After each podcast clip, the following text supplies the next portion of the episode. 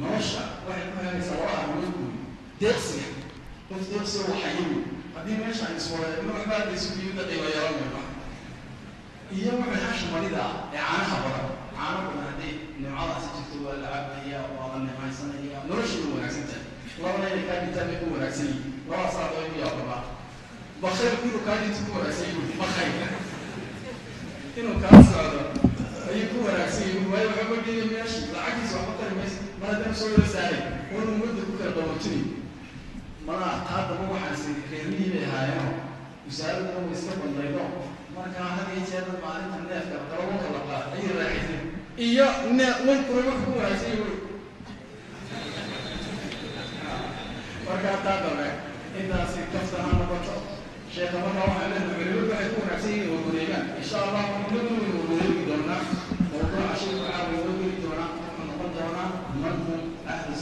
waljamaaca dadka nebigu calayhi isalaatu wasalaam uu khayrka bana u sheegay waayo sifooyinkooda sheekh ayuu wadaxina jazaku llahu khayran falyatafadal mashkuura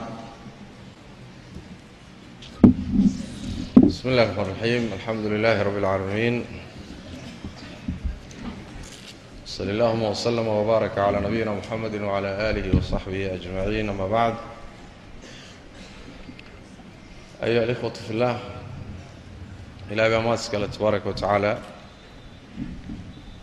mar kaleyna kulmiyey masaajidkan barakaysan iyo goobtan allah waxaan weydiisanayaa tabaaraka wa tacaala idinka iyo anigaba inuu nagu anfaco wixii aan baranno iyo wixii aan maqlaba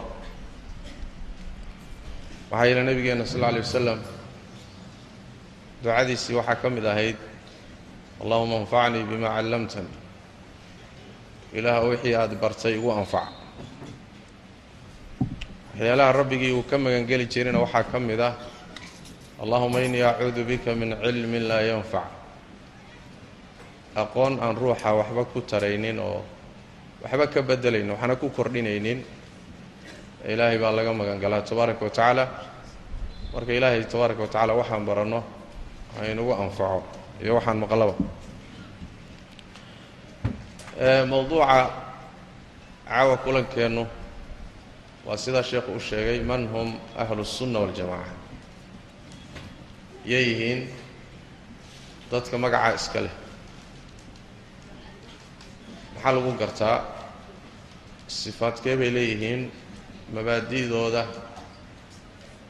ayaan insha allahu tacala wixii la inaga waafajiyo ka tilmaami doonaa. Waa mowduuca ude gudaweyn oo aada u gudaweyn oo dee waxaa la dhihi karaa wax diintii ka maqan baaba iska yar oo kutub bay a'immadu ka qoreen oo si ay u kala soocaan. Dadka iskale sifadaas iyo dadka sheeganayeen xaqiiqa ahaan iyagii ahayn ama laga yaaba inay garab mareen oo ay ka leexdeen.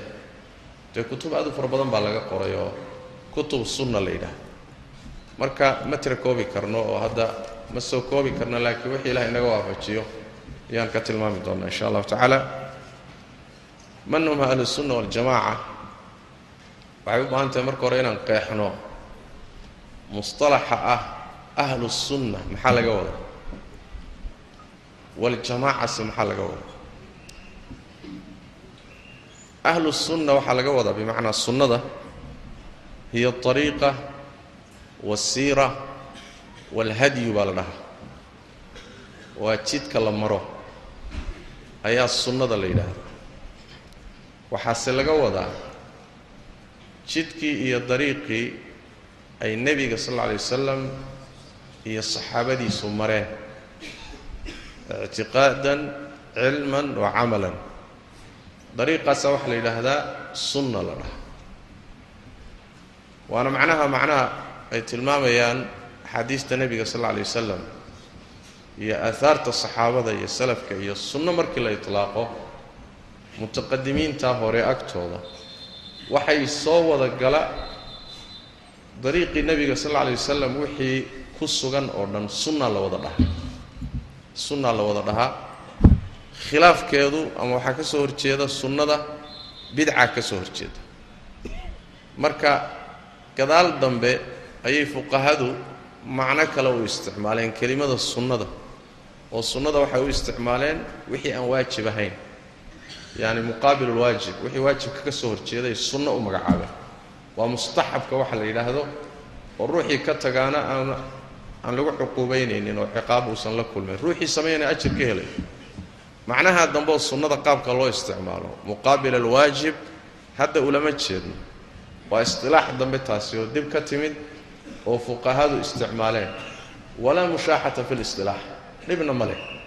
Laakiin kan laga hadlayo marka laga hadlayo ahlu sunna iyo kutubta sunnada marka laga hadlayo waa dariiqadii guud ee nebigu maray sal alla alay wasalam saxaabadiisu mareen ridwaanullaahi calayhim taasaa sunnada laga wada waa macnaha macnuhu nebigu tilmaamaya sal alla waslam markuu leeyahay xadiidka cirbaad ibnu saariya facalaykum bisunnatii wa sunnati alkhulafaa'i alraashidiina almahdiyiina min bacdi calaykum bisunnatii dariiqadayda wa marka waxa weye waa dariiqii nabigu maray salawaatu rabbi wasalaamu calayh marka la yidhahdo marka ahlu sunna bimacnaa waa dadka maray dariiqii nebigu maray sal alay waslam yaa u horreeya saxaabadiisa waxaa ku xiga ardadii saxaabadoo taabiciinta waxaa ku xiga saddexdii qarni ee nebigu ammaanay sal alla alay wasalam halkaasaa sunno magacu sidaas horta ku yimid. Oo ahlu sunna waa ahlu alitibaac dariiqaasay raaceen. Sidaasay ku timid. Kelimada labaad oo aljamaaca ah aljamaaca mushtaqa min alijtimaac kelimadaasna waxay ka timid ee kulankay ka timid midnimada wada jirka wada socodka ayay ka timid. Ayadana lidkeedu waa furqa.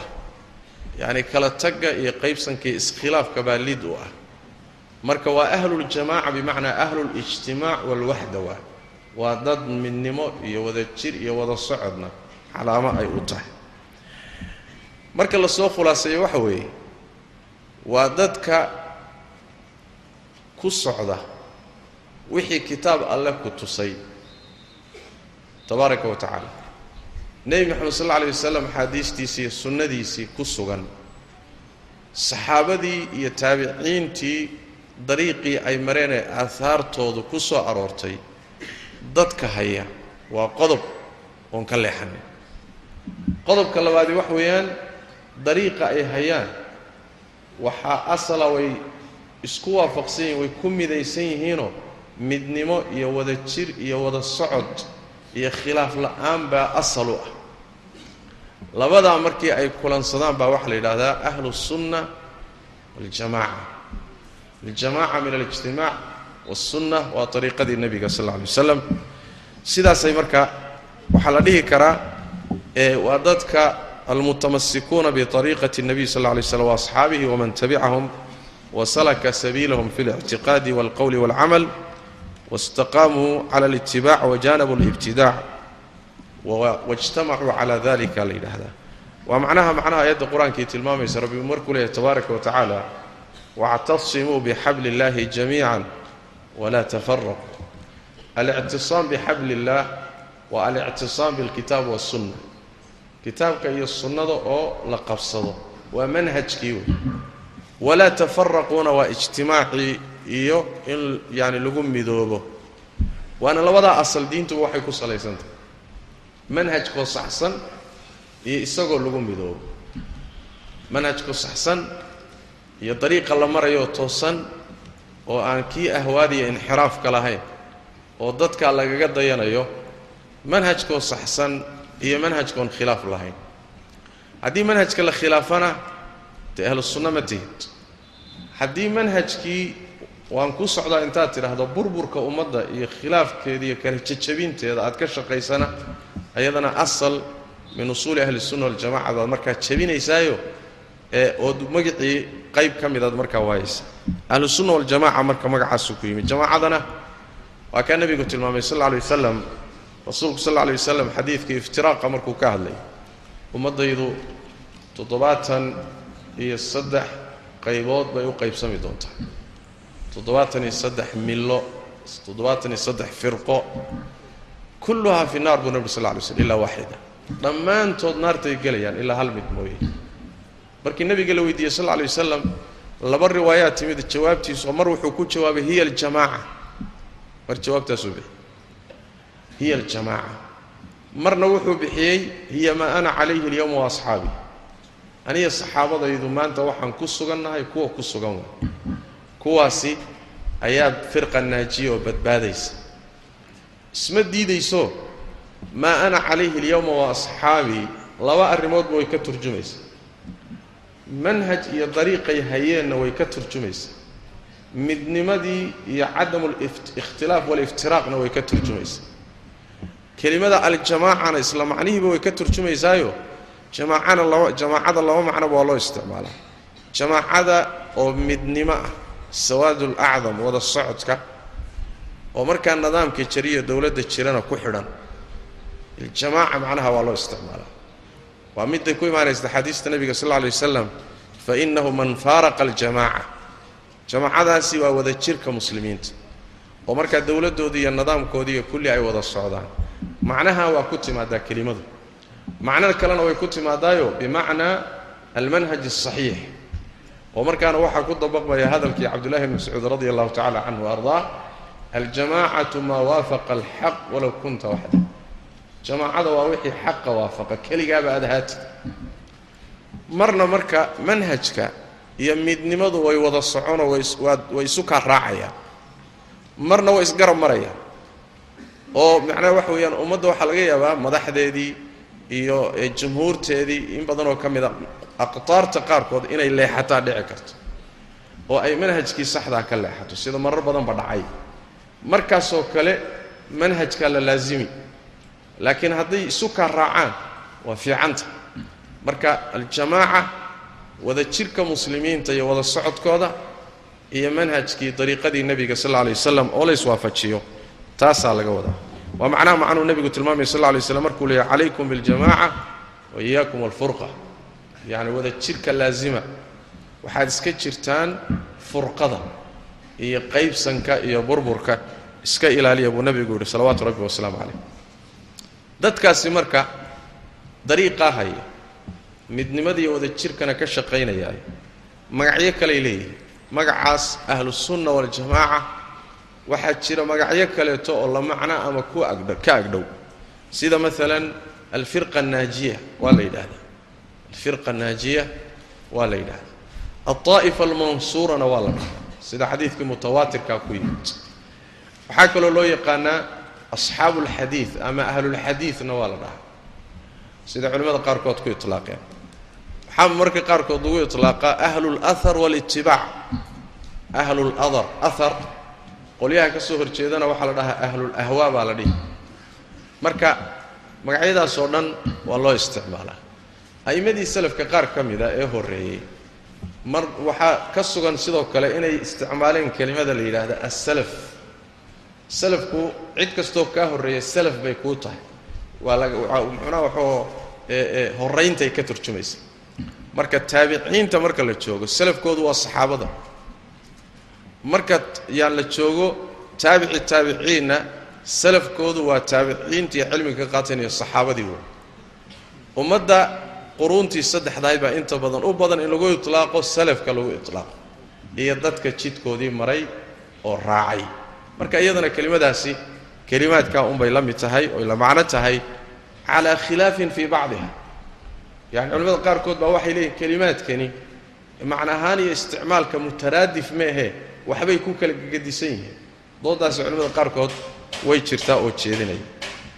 Warka murtidiisu waxa weeye ciddii ugu horraysay ee isticmaashay ahlusunna dadkaas dariiqa nebiga iyo saxaabada haya ahlusunna ciddii ugu horraysay ku itlaaqday sida la soo guuriyey waxay yidhaahdaan cabdullaahi bni cabbaas baa u horreeyey dhaha cabdullaahi bni cabbaas ayaa u horreeyey oo waxaa ku yimid kutubta aahaarta tafsiirka ibn abi xaatim iyo hayrkii ibnu kaiirna waa soo guurinaya cabdullaahi bni cabbaas radia allahu tacala canhu ardaa markuu fasiraya aayadda qur'aanka yowma tabyadu wujuuhun wa taswaddu wujuuh aayadda markuu fasirayay ayaa wuxuu yidhi yowma alqiyaamati tabyadu wujuuhu ahli الsunna waاljamaca wa taswaddu wujuuhu ahli اlbidcati wاlfurqa maalinta qiyaamada dadka sunnada raacsanee ku midaysan wejiyadoodaa caddaan doona oo iftiimi doona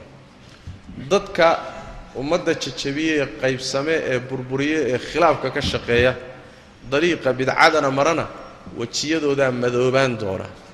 Waxaa la yidhahdaa kelimada isticmaalkeeda waxaa ugu horreeyey cabdillaahi bni cabbaas radia allahu tacala canhu ardaa kadibna waxaa isticmaalay taabiciintii baa isticmaalay oo waxaa loo isticmaalay in la kala sooco dadkii dariiqii nebiga hayay sal alla alay wasalam iyo dadka waxyaala dib laga keenay ku leexdoo dariiqa garab maray in summad loo kala sameeyo ayaa qoladanna magacan loo bixiyo loo yaqaanaa qoladanna magacana loo yaqaana intii ka horraysay magacyadani ma jirin.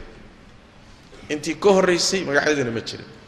Muslimiin muhaajiriin ansaar magacyadaasaa jira. Qur'aanka kariimkii tilmaamay laakiin markay ahlulahwaag iyo firaqu soo baxeen baa culimmada sunnadu waxay ka maarmi waayeen in astaan iyo magaca gooniyoo lagu garto ahlu sunna oo dadka leexday ay kaga socmaan in markaasi loo sameeyo. Halkaasay marka magacyadani ka imaanayaan.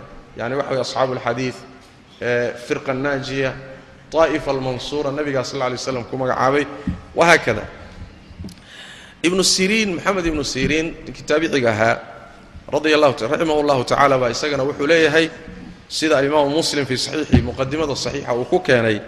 Wuxuu leeyahay lam yakunuu yas'aluuna can اlisnaad xata falama waqacat اlfitna qaaluu samuu lana rijaalakum.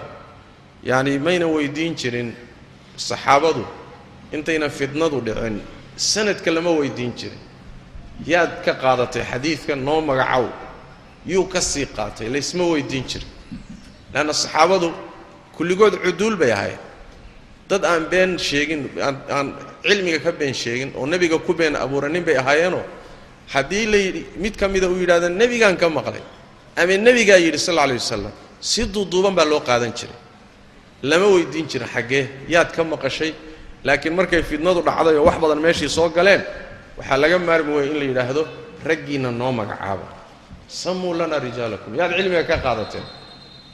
Hebel hebelkuna yuu ka qaatay hebel. Hebelkuna yuu ka qaatay hebel. Waa la dabagalay marka. Fa ilaa ahli sunnati fa yu'khadu markay magacaabaan dadkay cilmiga ka qaateen waa la fiirina. Hadday dadkii dariiqa saxsan haya yihiin cilmigay sheegeen waa laga qaadanaya. Hadday dadkii ka leexday yihiin wayundaru ilaa ahli اlbidac falaa yu'khadu xadiiduhum hadday dadkii dariiqyada khaldan maray noqdaanna ahlulbidaca ahaana wixii ay sheegeen markaa laga qaadan maayo lanna wax weeyaan fasaad baa laga baqaya. Halkaasi marka wuxuu ku itlaaqay ahlusunna qoladana kalena wuxuu ku itlaaqay ahlulbidaci waalahwaa marka magacaabistaasi way horraysay oo wax xaddaa ma aha. Wax haddaa ma aha oo magacaabis horraysay ilaa siqaaru saxaaba ilaa taabiciintii. Markii dambena way caan baxday mustalaxa ama magaca ahlusunna waljamaaca ahlusunna waljamaaca marka taariikhdiisu mar hadduu halkaa yahay sheegashadiisaa iska badatay. Waayahan dambeo dee magacu magac qiimo badan maadaama uu yahay oo ka turjumaya manhaj qiimo badan manhajkii nebiga sal lla lay slam iyo saxaabadiiyo ku socdeen nin walba waa iska sheegtay. Waa la kala xigsaday oo waa la kala riixday oo muxuu ahaayey rag baa isku dayey inay iyagu keligooda qaataan. Dad badanoon mudnayn baa sheegtay sidaas daraaddeed baa waxaa lagu qasbanaaday in la qeexoo la yidhaahdo war heedha magacan yaa iskale yaase sifadiisu maxay tahy markaasay ka timidoo maanta waad arkaysaanoo nin laga yaabo usuushii diintuba inay ka dunsan tahay oo diintaba asaaskeedii ka khaldan tahay baa haddana sheeganayo ku dagaalamaya oo dadka intiisii kaleba u diidanba marka in la qeexo man hum ahlusunna waljamaaca waa laga maarmaan iyadoo macnaheedu aynan ahayn magac ha lagu hardamo. Magaca. Alasmaa'u laa tuqayir min alxaqaa'iqi shaya. Haddaad magac qurux badan qaadato laakiin xaqiiqadaada uusan ka turjumaynin ood ka gedisan tahay macno weyn ma samaynayso. Shay wanaagsan haddii magaca laga hadleeyana wax badan ma kordhinayo waxba kama bedelayo wixii xaqiiqada ahaa ee yacani waxa weye wanaagsanaana magac xumi hadda waxa weeyaan xaqiiqadiisa ma bedelayo. Manaahijta xunxun iyo madaahibta khariban magac wanaagsan haddii loo bixiyana waxba ku tari maayo. Oo haddaad maanta dhan wada tahay waa dhici kartaa inaad dadka qaarkood ku sirtood ku khayaantood ku kadiso laakiin xaqiiqadaada waxba ka bedeli maayo. Ahlusunna waljamaaca waxaa marka ee muxuu ahayey lagu yaqaanaa usuul bay leeyihiin. Usuul bay leeyihiin waxay leeyihiin qawaacid. Waxay leeyihiin manhaj ay kala dhaxleen oo kitaabka qur'aanka salka ku haya saxaabadii ridwaanullaahi calayhim axaadiistii nebiga sal alla alay wasalam usuushooday marka kaga soocan yihiin ahlulbidaca iyo dadka jidka ka leexda markii hore xilligii saxaabada iyo weliba taabiciinta ilaa qarnigii la soo gaadho qarnigii labaad. Aakhirkiisa la soo gaadho kutub gooni ah oo si gooniya looga qoray yacani sunnadaa iyo manhajkaas si gooniya looga qoray usuusha ahlu sunnaha ma jirin. Leanna dadka waxaa ku filla qur'aanka axaadiista nebiga sal alla lay waslam iyo aahaartii saxaabada ka cilmi ahaan in gooni loo qoraayey waxay bilaabatay qarnigii labaad aakhirkiis waxay aad u xoogaysatay qarnigii saddexaad bay kutubtu aad u xoogaysteen kutubtan la yidhahdo kutubu sunna oo ay a'immadii sunnadu ka qoreen usuul ahli sunna waljamaca oo muxuu ahaayey faraha badan qarniga saddexaad bay u badan tahay. Ilaa qarnigii afraad oo ragga ardadoodii ah ayaa macnaha la qoray. Laakiin intii hore arrintu waadix bay iska ahayd. Kutub gooniyana ma jirin qur'aankaa laga qaadan sunnada nebiga sal alla alay wasalam a'immadii oo nool iyagaa unbaa afkooda laga qaadan jiray laakiin ka cilmi ahaan inay madax bannaanaado mar danbuu yimid. Oo si gooniya oo madax bannaan loo qoro. Usuusha iyadaa marka waa usuusha kutubta ku qoran. Kutubtan la akhriyo ee muxuu ahaayey ee quruuntaa hore la qoray. Kutubta usuusha ku qoran ayaa la yidhaahdaa usuulu ahlisunna waljamaaca oy kaga soocan yihiin dadka intooda kale. Astaantooduna waa taa. Haddaan marka wax ka tilmaanno ma wada gaarhi karno laakiin haddaan wax ka tilmaanno si koob kooban waxaan ugu horraysiin karnaa inaan idhaahno xagga asalka labaad oo ijtimaaca iyo midnimada ah.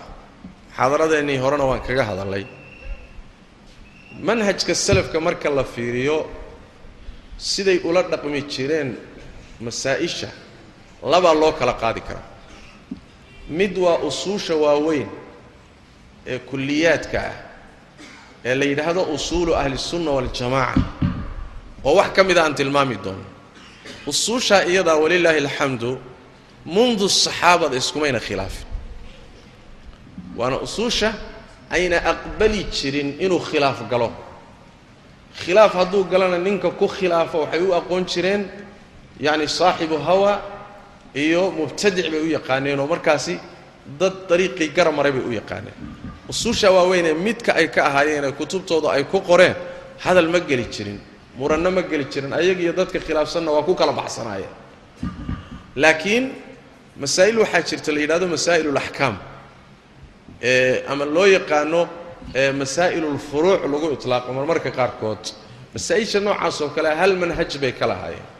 Manhajkooduna wuxuu ahaa masaa-isha noocaasi iyagoo isku khilaafsan oo ku kala gedisan oo imaamkan ijtihaadkiisa masaladan kan uu ka gedisan yahay oo ardayga iyo sheekhiisu ijtihaadkoodu kala duwan yahay oo halka imaam laga yaabo inuu leeyahay ilaa saddex qowl mas'alada ka leeyahay ama saddex riwaayo imaam axmed oo kale uu ka leeyahay imaamu shaafici laba qowl ka leeyahay hal mas'alo ayagoo saa isugu khilaafsan baa haddana aan laguna kala bari noqon jirin muxuu ahaayey furqana loo ictibaarin jirin takfiir iyo tabdiicna laysku samayn jirin.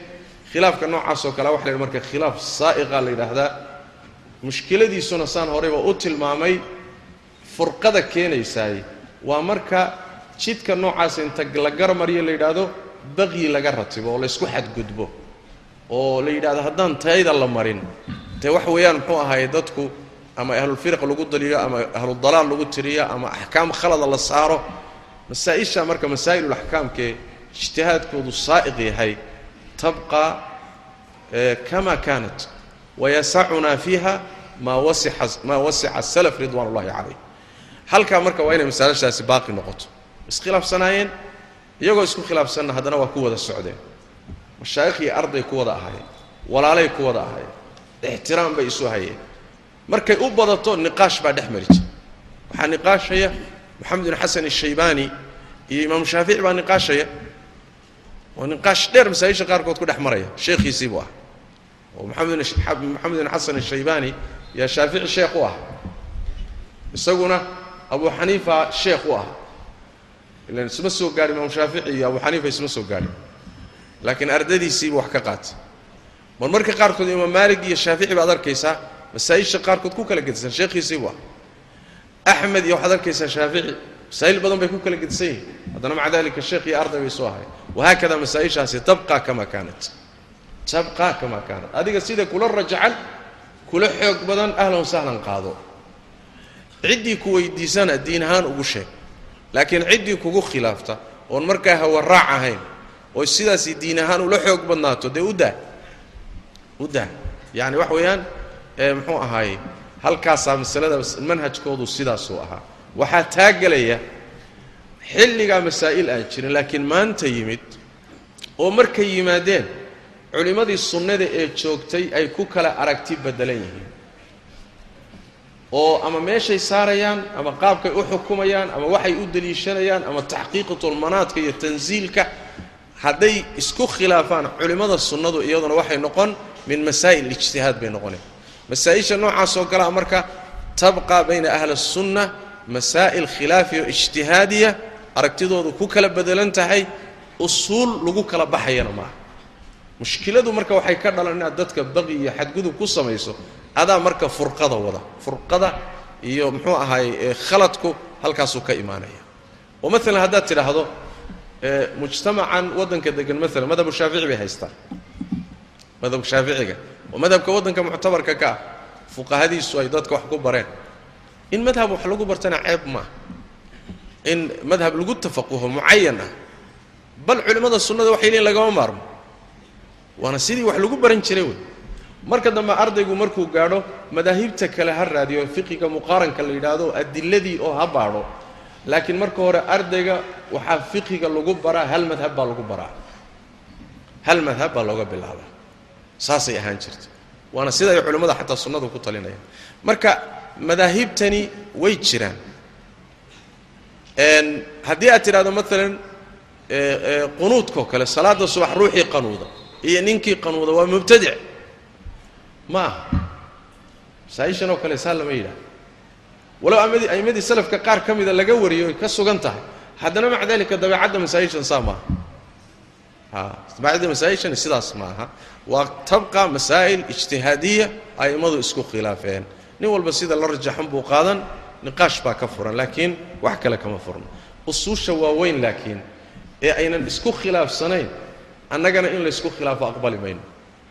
In la yidhahdo nin walba tiisa hala watee haddaa hala daayay tiisa ha watee maya. Wixii ay isku waafaqsanaayeen waxaa la dalbaynaa in laysku waafaqo. In laysku raaca inaan laysku khilaafin. Waa manhajkii usuushii waaweyneed weeye markaas. Waxaa ka mid a maalan usuushaasi waaweyn ee laga maarmaankaa in la ilaaliyo ee masaadiru talaqi cinda ahli sunna waxay kaga gedisan yihiin firqooyinka dariiqa ka leexda oo maxaa ka mid a maalan masaadiru talaqi cindahum alkitaab walsunna waاlijmac usuusha waaweyn marka la yidhaahdo waxa laga qaadan waa kitaabka sunnada nebiga iyo ijmaacii saxaabada ridwan ullahi calayhim iyo salafka masaadirtu waa taa. Markay timaaddo muxuu ahaayey axkaamta iyo wixii la mida ayaa waxaa imaanaya qiyaaska oo jumhuurtu qabaan laakiin daahiriyadu diidan yihiin. Markii masaa'ilulaxkaam la yimaado ayaa haddana waxaa imaanaysa adilo mukhtalaf fiiha. Adilo laysku khilaafsan yahayo ma deliil baa mise deliil maa laysku khilaafsan yahay? Sida maalan qowlu saxaabi oo kale yani waxa weye sadu daraa'ic oo kale muxuu ahaayey camalu ahli lmadiina oo kale waxaa la yidhahda masaalix lmursala oo kale sharcu man qablana oo kale waa adilo mukhtalaf fiiha. Daliil muctabara ma yahay mise ma aha? A a'immada qaar waxay leein waa daliil muctabara qaarna waxay lein waa daliil maaha laakiin waa xaggee waa abwaabta fiqiga.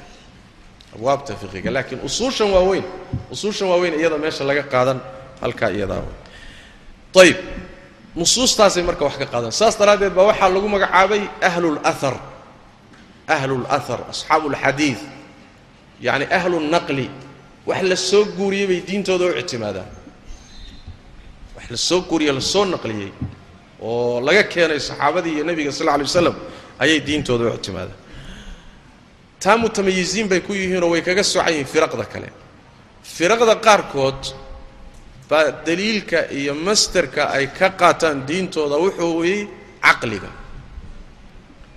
oo caqligu wuxuu ku tusay agtooda waa ka horreeya wuxuu nasku ku tusay. Waa meeshay yidhaahdaan yacni alqaطciyaat alcaqliya muqadama cala alnaqliyaat yacni waxyaalaha caqligu ku tusay waxay ku magacaabeen qaطciyaat aan hadalgeli karin. Laakiin wixii naska ku yimid ixtimaal baa isaga geli karoo caqligu wuxuu ku tusay baa ka horreeya halkaasi in caqliga loo ictibaaro masdar min masaadir الtalaqi min masaadir الtashriic waa aslun min usuuli ahli اlfiraq wey wuxuu khilaafsan yahay asalka weyn ee min usuuli ahli الsunna oo ah ahlu الsunna masdar الtalaqi waa alkitaab والsunna واlijmac iyo masaadirta kaleeto oo mukhtalafka ah ayb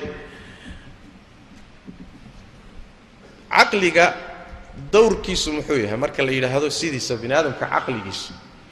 Ilaahay sharcigii uu soo dejiyey inuu ka hor tago oo yidhaahdo waxaase caqliga ma geli karee tuur. Intanna caqligaa ku tusaya soo reeb. Dowrkiisa iyo kaalintiisa maaha. Caqliga dowrkiisu waa inuu fahmo wixii ilaahay yidhi. Wixii rasuulku yidhi sal alay wasalam faham baa loogu talagalay laakiin looguma talagelin inuu ictiraado. Looguma talagelin caqligu inuu wixii ilaahay ka yimid uu diido. Looguma talagelin wixii rasuul ka yimid sal alay waslam inuu ka hor abadan leanna caqligu meel keliya maba ku sugnaaba leanna bini aadamka caqligiisu waa kala duwan yahy adiga caqligaaga iyo kayga wuxuu ku tusaya waa kala duwan yahay saas daraaddeed caqligu ma noqon karo masdar laga qaato laga qaato axkaam walaa usuul shareeca laga qaato midna ma noqon karayo masaladana waxaa ku caanbaxay nimanka la dhihi jiray muctasilada iyo dadkii gadaal dambe raacay. Gadaal dambena hadda waxaa nooleeyey nimanka loo yaqaano almadrasa alcaqlaaniya waa madraso hadda rag badan soo saartayoo ninkii la dhihi jiray maxamed cabdu masriga ahaa iyo jamaaluddiin alafghani iyo gadaal dambe ghazaali iyo turaabi iyo yani madrasa alcaqlaaniya la yidhahda wax cusub mayna keenina laakiin fikirkii ictizaaliga iyo asalkii muctasilada unbay nooleeyeen. Laa aqal walaa akar masaladaasi marka waa masale asal khilaafsan usuul ahlisunna waljamaaca oo in caqliga laga dhigo mid nusuusta lagu radiyo ama lagaga hortago. Caqliga ama masalada caqliyaadka la yidhaahdo firaqda dariiqa ka leexatay qaar ka midana qaar ka mida si jus-iyay u isticmaaleen oo qadayaadka qaarkood bay u isticmaaleen qaarna si kulliya u isticmaaleen. Waan tilmaami doonnaa insha allahu tacala waxaa ka mid a maalan firaqda qaarkood waxay master ahaan u ictimaadaan waxa loo yidhaahdo waxaa la yidhahdo alru'a riyada khaasatan dariiqooyinka ee sufiyada qaar ka mida iyo atbaacdoodu. Qaar ka mida riyada ayay daliil iyo master tashriic ka dhigtaan. Sheekheel baa riyoodaad maqlaysaa wuxuu riyooday baa waxaa laga dhigayaa wuxuu ku riyooday inuu yahay xugum in la fuliyo loo baahan yahay. Riyadu master ma riyadu sideedaba siduu nebigu ku tilmaamay sal alay slam saddex mid ka mida wey masterkeedu saddex mid ka mida wey waxaad ku riyoonayso wax wanaagsanoo malaa'igii ay keento qalbigaaga gelisay wuu noqon karaa. Tahaawiilu shaytaanna waa noqon karaayoo ruuxu markuu seexdo qalbigiisa shayaadiin baa imaanayso oo wax ku ridayso oo wax gelinayso oo halkaa inay riyadu ka imaanayso masterkeedu shayaadiin yahayna waa dhici karta masterka saddexaad ee nebigu sheegay sal alay waslam waxa weeye markuu ruuxu sii seexanayo qalbigiisa waxbuu ku sheekaysanaya. Waad seexatay adoo wax ku sheekaysanaya. Adoo adduunyo ka sheekaynahaya wax ka baqaya murugsan wax ku hayaan ayaad seexatay qalbigaagu markaad hurdadii gashay wixii uu ku sheekaysanayay unbuu dib cajaladii unbaa dib isu rogtay. Markaasay dib u akhriday wixii aad ku sheekaysanaysay markaasaad tidhi waan riyooday. Waa riyo mehe waa wixii sheekadii aad ku seexatay un waay riyo qumana ma jirto meesha. Sidaas daraaddeed riyadu markaad riyooto tii shaydaanka inay tahayna waa dhici karta. Tii malaa'igta inay tahayna waa dhici karta. Tii markaad sii seexanaysay aad ku sheekaysanay tahayna waa dhici karta maadaama intaaba ay noqon karto ma noqon karto wax daliil laga dhigto. Wax sharci laga qaatana ma noqon karto.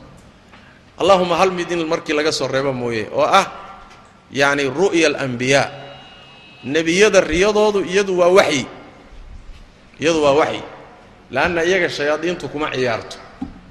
Sidaas daraaddeed nebigu wuxuu ku riyoodo isaga waa waxyigoo kaleeto oo waa master min masaari tashriic waa la fulinaya a waa juz-un min annubuwa yacni qayb nebinimadii ka mida weeye sida xadiista nebiga tilmaamay sal alay waslam dadka qaarkood waxaad arkaysaa masder diineed waxay u cuskanayaan waxa loo yaqaano almukaashafaat mukaashafaadka yacni waxaad arkaysaa waxbaa la ii fayday buu leeyahay ninkan odayga.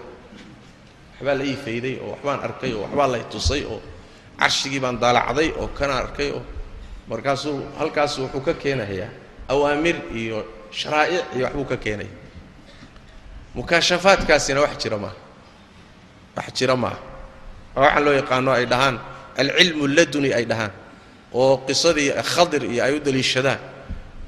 Ay qaarkood leeyihiin xadaanii qalbii can rabbi. Xadaanii qalbii can rabbi. Qalbigaygaa ii warramay oo rabbi buu iiga warramay waaba riwaayo toosaba ya man xadaahu qalbuhu can rabbihi xataa ambiyada ridwaan ullaahi calayhim intooda badan qalbigooda waxyiga waxaa keena malag baa loo soo dhiibaa. Malakul jibriil baa loo soo dhiibaa soo ma? Oo rabbi iyo isaga malakul jibriil baa udhexeeya oo u keena soo ma? Ina ruuxa alqudusi qad nafata fi ruuci ana nafsan lan tamuuta xataa tastakmila risqaha marka malaa'igtaa keenta oo malakul jibriil baa keena laakiin wadaadkani wuxuu leeyahay anigu malakul jibriil baa uma baahniye. Xadaanii qalbii can rabbii qalbigaygaa rabbigay iiga warramay waaba toos isaga.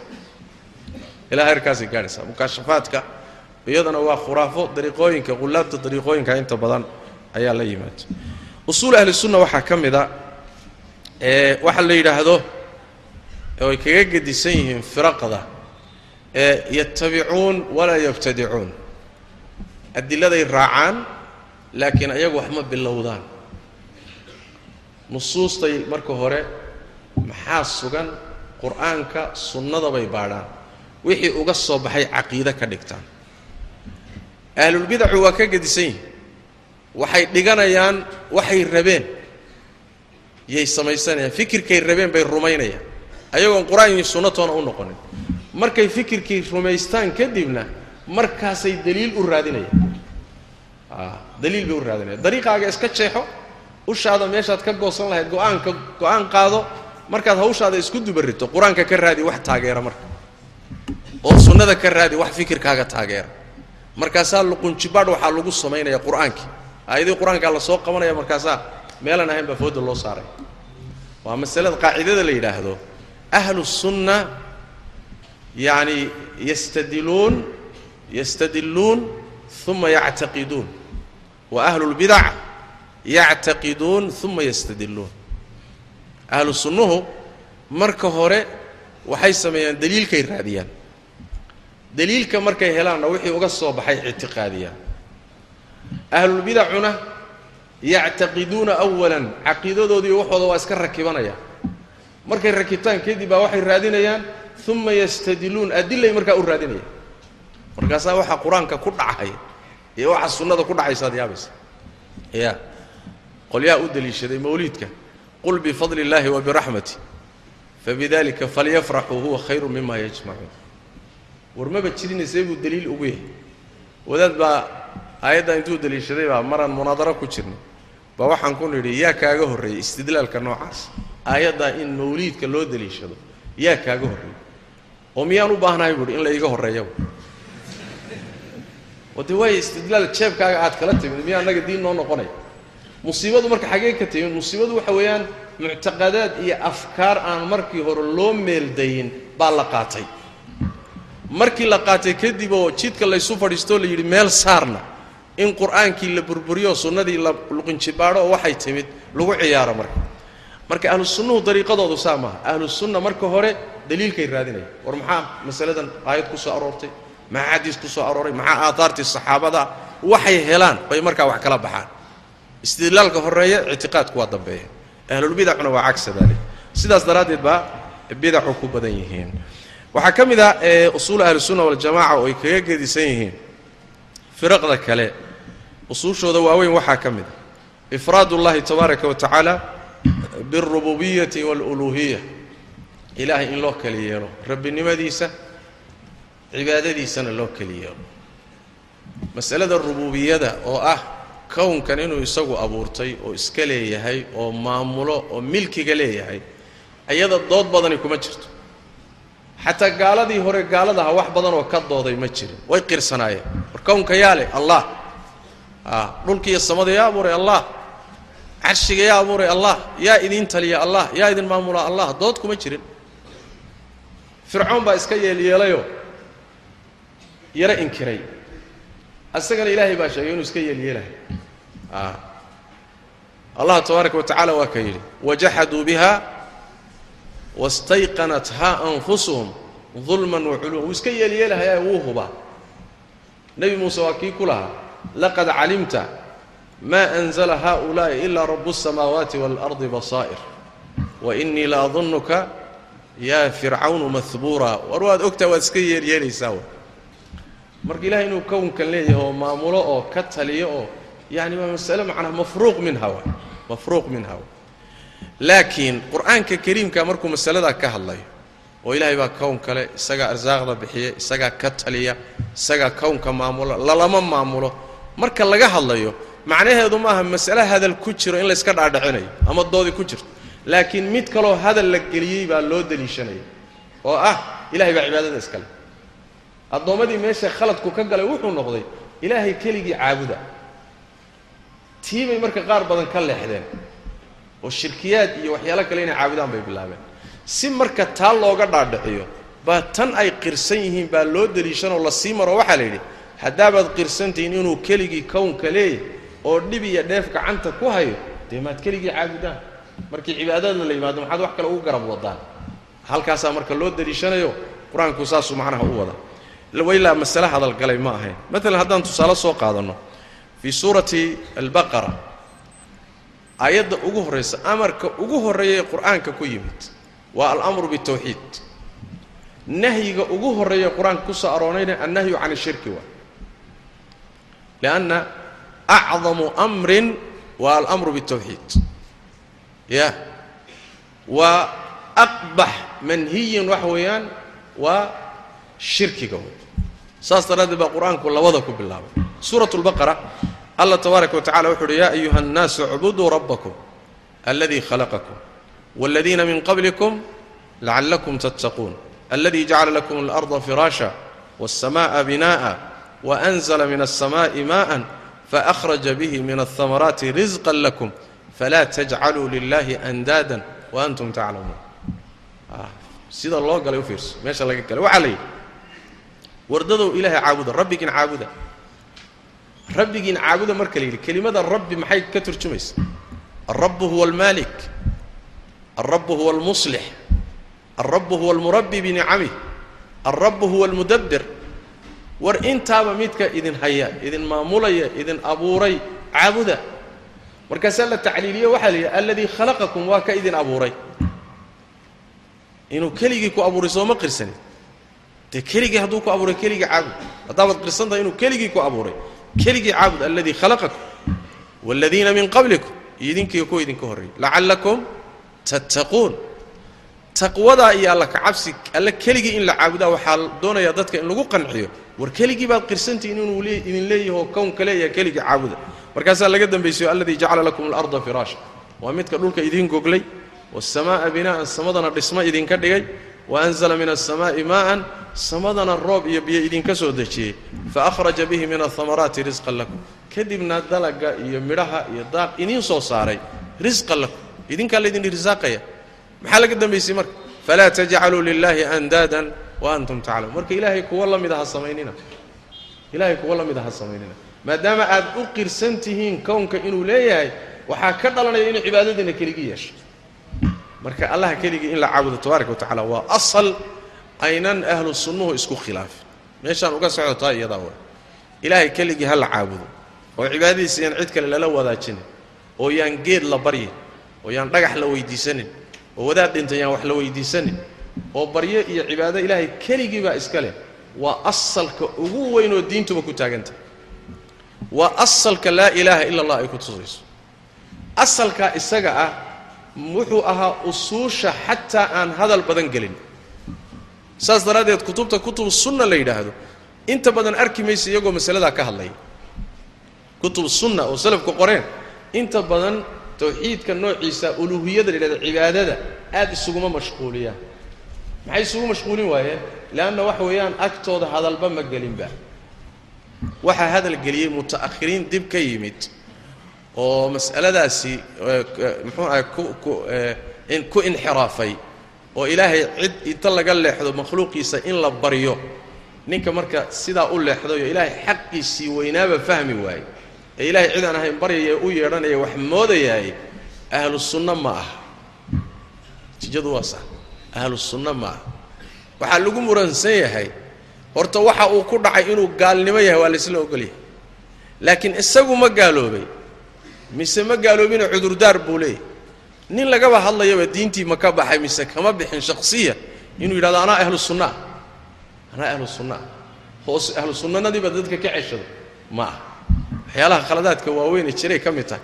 Asalkaasi marka waa asalka ay ku dhisan tahay diinta dhan oo asaas u ah ahlu sunnana iskuma khilaafin. Qur'aankuna meel buu mariyey xadiista nebigu meel bay marisay ijmaacii saxaabadu meel buu mariyey. In cid aan alla ahayn la baryi karin wax la weydiisan karin yani waxa way la caabudi karin taas waa asalka ugu weyn. Asalka labaadi waxa weeye oo ilaahay rabbigan tabaaraka wa tacaala ku tacalluqa ahlu sunnuhuna ay mid ka ahaayeen waxa weeye oo ka mida usuushooda waaweyn. Allah tabaaraka wa tacaala magacyadiisa iyo sifaadkiisa mabda' bay ka lahaayeen. Oo ah qur'aanka kariimka iyo sunnada nebiga sal lla lay slm axaadiistiisa wixii magacee alla sheegtay ama wixii sife ahe alla sheegtay ama rasuulkiisu u sheegay sal lay wasalam in ilaahay sideeda loogu daayo oo la aqbalo oo aan ilaahay wuxuu sheegtay loo diidin oo macnaha aan la leexinin ya oon macnaha la leexinin.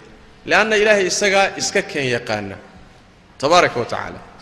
Nebigiisaa khalqiga ugu yaqaana salawaatu rabbi wasalaamu calayh isagaa ugu naasixsanaa uguna faseexo badnaa sifaadkan iyo asmaadani sidan haddaynan sax u ahayn ama allah baad inoo sheegi lahaa ama nebigaa salawaatu rabbi wasalaamu calayhi si u sharxi lahaa ama saxaabadii ka dambaysay iyo salafkiibaa si un u dhigi lahaa.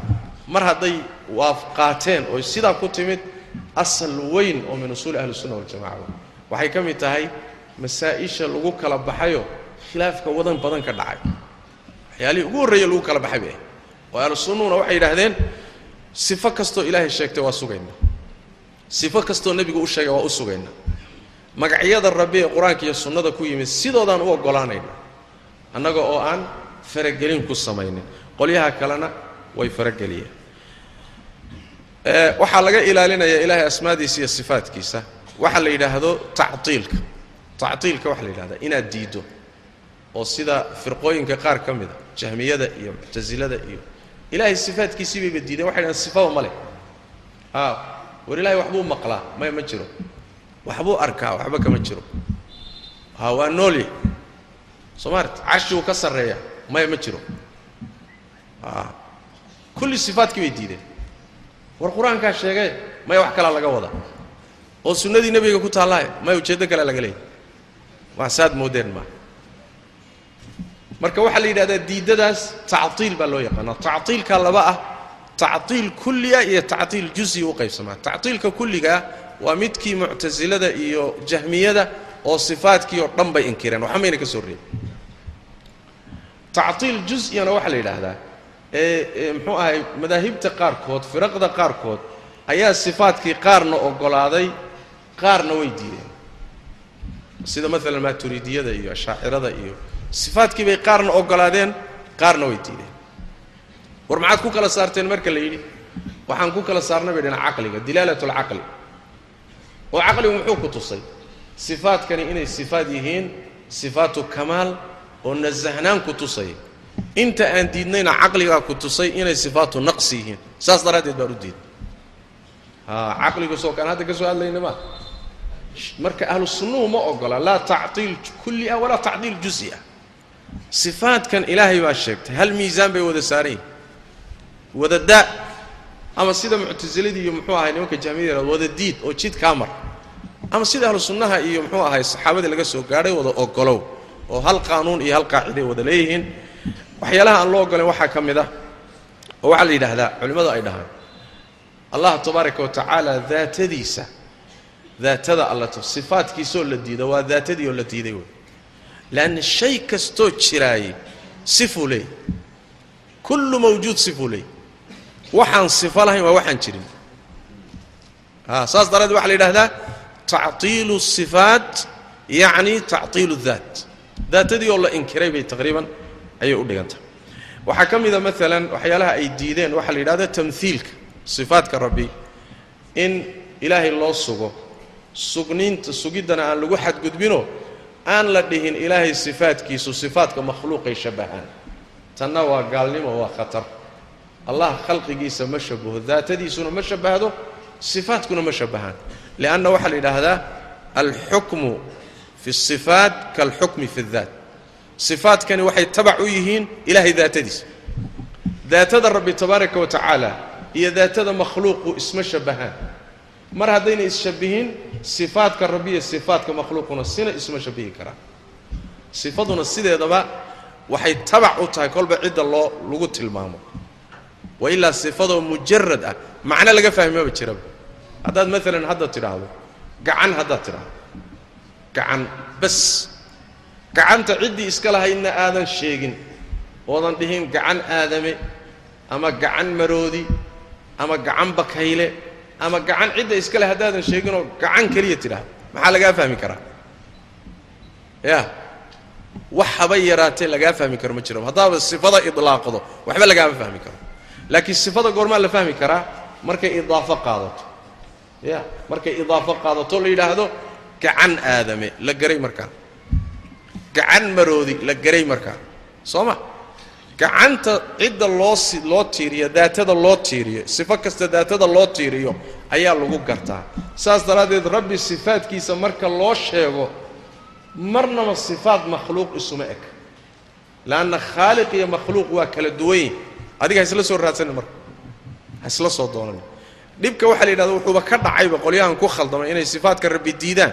Marka hore markii sifadii ay arkeen baa waxaa u soo baxday. Wallaahi sifadan haddaad ilaahay u sugtaan meeshaa waxaa ka imaanaya in ilaahay makhluuqiisa isu ekaadaan khaladku xaggee ka yimid marka.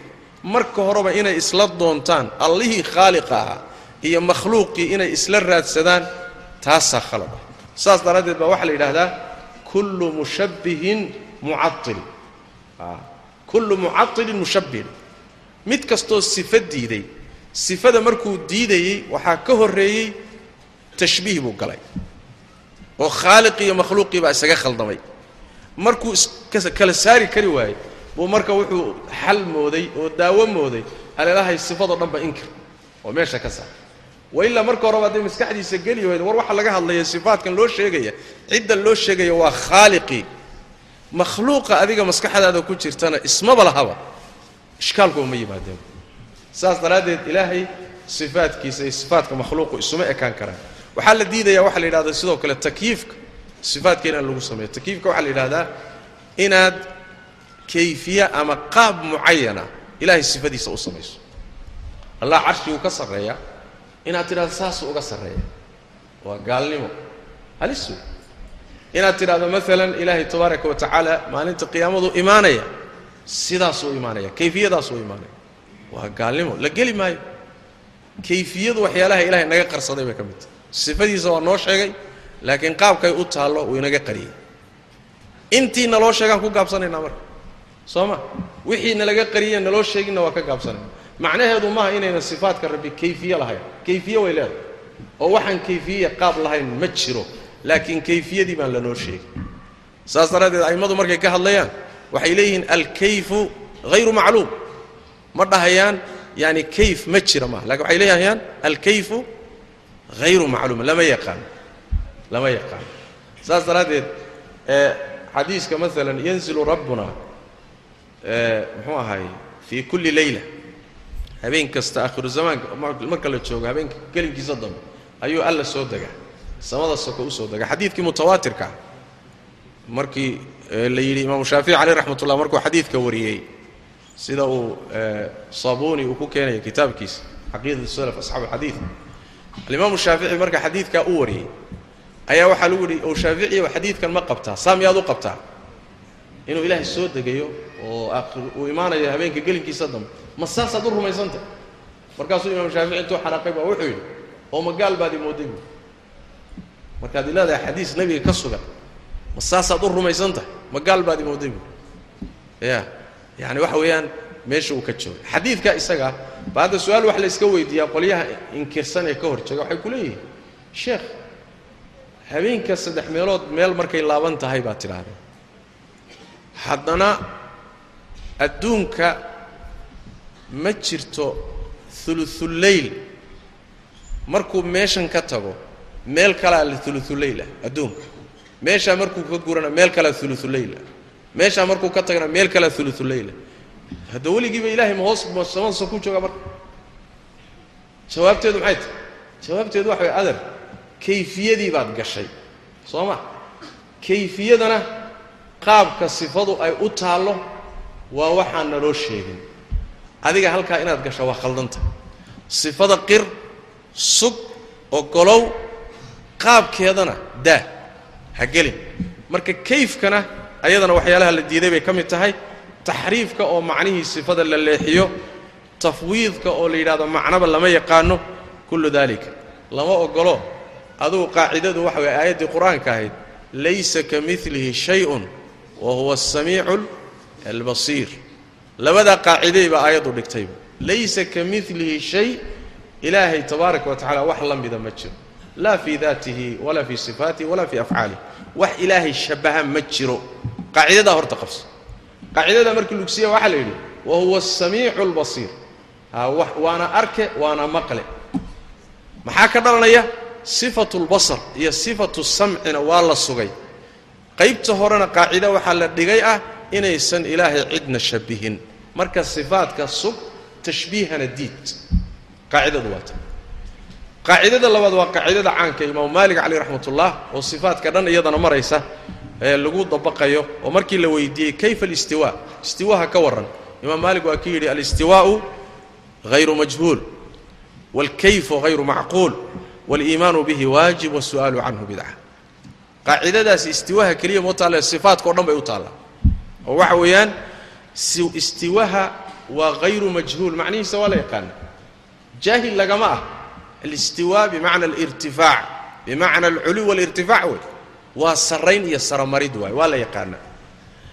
Kayfiyadiiyo qaabka ilaahay carshigiisa uu uga sarreeyana waa hayru macluum lama yaqaana qaabka. Ayib in sidaa loo rumeeyana waa waajib. In su'aal la geliyoo la baadhbaadhana waa bidco. Sababtu waxa weeye sidii saxaabadiiyo salafka ay kaga timid qur'aankuna ku tusay waa in sidaa lagu daayo. Marka baabu alasmaa waasifaat ahlusunna madhabkoodu waa kaasoo in la aqbalo sidaana lagu aqbalo. Iyagoo dhanna la wada aqbaloon la qaybinin. Usuushooda waxaa ka mid a mabda'a weyne iyadana sidoo kale aad loogu kala tegay waa maahiyada iimaanka. Aliimaan maxaa la yidhaahdaa? Aliimaan cinda ahlisunna waljamaca isagana waa qowlun wa camalun wa ictiqaad.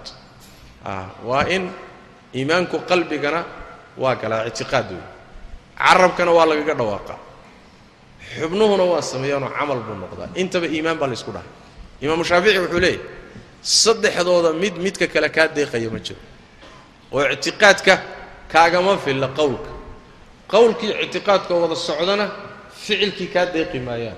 Waa inaad intaba la timaado markaasuu iimaanku saxya intaa marka la yidhaahda kadibba haddana ictiqaadka laftiisa baa sii kala baxayo. Ictiqaadka qaar ka mida waa arkaan haddii la waayo iimaanku buraya asalkiisa. Ictiqaadka qaar ka mida waa waajib oo haddii laga tago iimaankaa isdhimaya ictiqaadka qaar ka mida waa mustaxab oo kamaaluliimaan buu keenaya wakadalika qowlka rukni iyo waajib iyo mustaxab buu u qaybsamay. Wakadalika ficilka iimaanka ah rukni iyo waajib iyo mustaxab buu u qaybsamay. Waa sida waajibaadku kaleba salaadda maalan acmaasheeda. Soo rukni salaaddu ku burayso iyo waajib waxay ku itlaaqaan oo salaaddu ayna ku burayn laakiin nusqaamayso iyo mustaxab ama sunno dhammaystir ah soo ma jira intaba. Sidaasoo kale iimaankuna waa saas. Marka aliimaanu qowlun wa camalun wa ictiqaad. Firaqda kaleeto intaasi waa khilaafsan yihiin. Haddana maca daalika waxaa u dheer ahlu sunnaha oo qodobkaa u dheer iimaanka noocaasa qaar baa tegi kara qaarna waa hadhi kara. Yatajaza. Iimaanku isma raaco qaar baa tegi kara qaarna waa hadhi kara. Waa masaladay marka ku qeexeen yaziidu wayanqus yaziidu wayanqus waxay ku radinayaan nimanka la yidhaahdo khawaarijta iyo muctasilada oo yidhi iimaanku maba kala hadhaba. Ama waad wada waayi isagoo dhammaystiran. Ama waad wada haysan isagoo dhammaystiran. Laakiin wax kuu qaybsamahayo muumin iimaankiisu dhammaystiran yahay mid waxoogaa yahay miduu naaqis yahay ma jiray dheh. Saas daraaddeed baa waxay dhaheen asxaabuulkabaa'ir waa gaalo. Ruux mar hadduu dembi weyn galaba waa gaal. Diintuu ka baxay sababtu maxay tahay? Waxaa la isku waafaqsan yahay dembigu inuu iimaanka nusqaaminayo. Laakiin ayagii waxay yidhahdeen nusqaan keliya ma iimaanka dhan buuba tagsiinaya leanna iimaan qaybsamo agtooda ma yaalo ahlu sunnaha iyo marka iyagu waxay ku kalgisan yihiin iimaanku wuu qaybsami qaar baa hadhi qaar buu waayo ruuxu dembi markuu galo iimaankii waa dhaawacmi. oo muxuu ahaayey iimaankiisii qaar baa tegaya qaar baa u hadhay wahaakada marna wuu wada tegi karaa. Sidaasi iyadana waxa weeyaan waa mabda'a yaziidu biaaca wayanqusu bilmacsi. Isku iimaan maaha dadku ahluliimaanku yatafaadaluuna fiih. Murji'ada oo ayaguna dhinac maray khawaarijta muctasiladoo dhinac maray iyadana waa ku khilaafsan yihiin waxaa ka mid a usuul ahlisunna waljamaca oo aad laysugu khilaafay oo ahlusunnuhu isku waafaqeen aliimaan biqada'i illahi wa qadarih ilaahay qadihiisa iyo qadarkiisa in la rumeeyo. Oo afar martabo leh. Martabada koobaad ilaahay tabaaraka wa tacala waxyaabaha dhacaya intaysan dhicin yuu sii ogaa. Wuxuusan ogayn kownka kama dhacayo. Martabada labaad markuu ogaaday kadibna wuu qoray. Oo looxulmaxfuudkuu ku qoray. Martabada saddexaad shay walba doonidiisa iyo mashii'adiisu hoos yimaadaa wuxuusan doonin kama dhacayo kownka martabada afraadna abuurka iyo samaynta isagaa samaynayo abuuraya. Oo wax khalqigiisa iyo abuurkiisa ka hoos baxaya ma jiro. Allahu khaaliqu kulli shay. Ya wallahu khalaqakum wamaa tacmaluun idinka isagaa idin abuuray camalkiinna iyo wixii ka dhashana isagaa abuura alle tabaaraka wa tacaala marka maraatibta qadaha iyo qadar kalena ahlu sunna saasay u rumaysan yihiin laba labada ugu dambeeya inta badan khilaafku galayoo martabada mashii'ada iyo martabada khalqiga iyo iijaadka. Ahlu sunnuhu marka sidaasay qabaanoo wax kownkan ka dhacayoon alla abuurin ma jiro. Addoommaday afcaashoodaba alla abuuray. Masalada qadariyada iyo murji'ada ahlu sunnaha ku khilaafsan oo ku garab maray waana masalada kutubta ay ka qoreenoo alimaam albukhaari caleyh raxmat ullahi kitaabkiisa khalqu afcaali alcibaad masaladaasuu ku saabsanya bal kitaabkiisa saxiixa kitaabka ugu dambeeya kitaabu tawxiidka abwaabtiisa inteeda badan waxay ku saabsan tahay mas'alada khalqu afcaali alcibaad addoommada waxay samaynayaan in ilaahay abuuray oo qadariyadaasuu ku radinaya. Kitaabkaa madaxa bannaanna wuuba ka alifayoo khalqu afcaali alcibaad marka yani waxa weeye masalada qadaa wa qadarna ahlusunna waljamaca usuushooday ka mid tahay.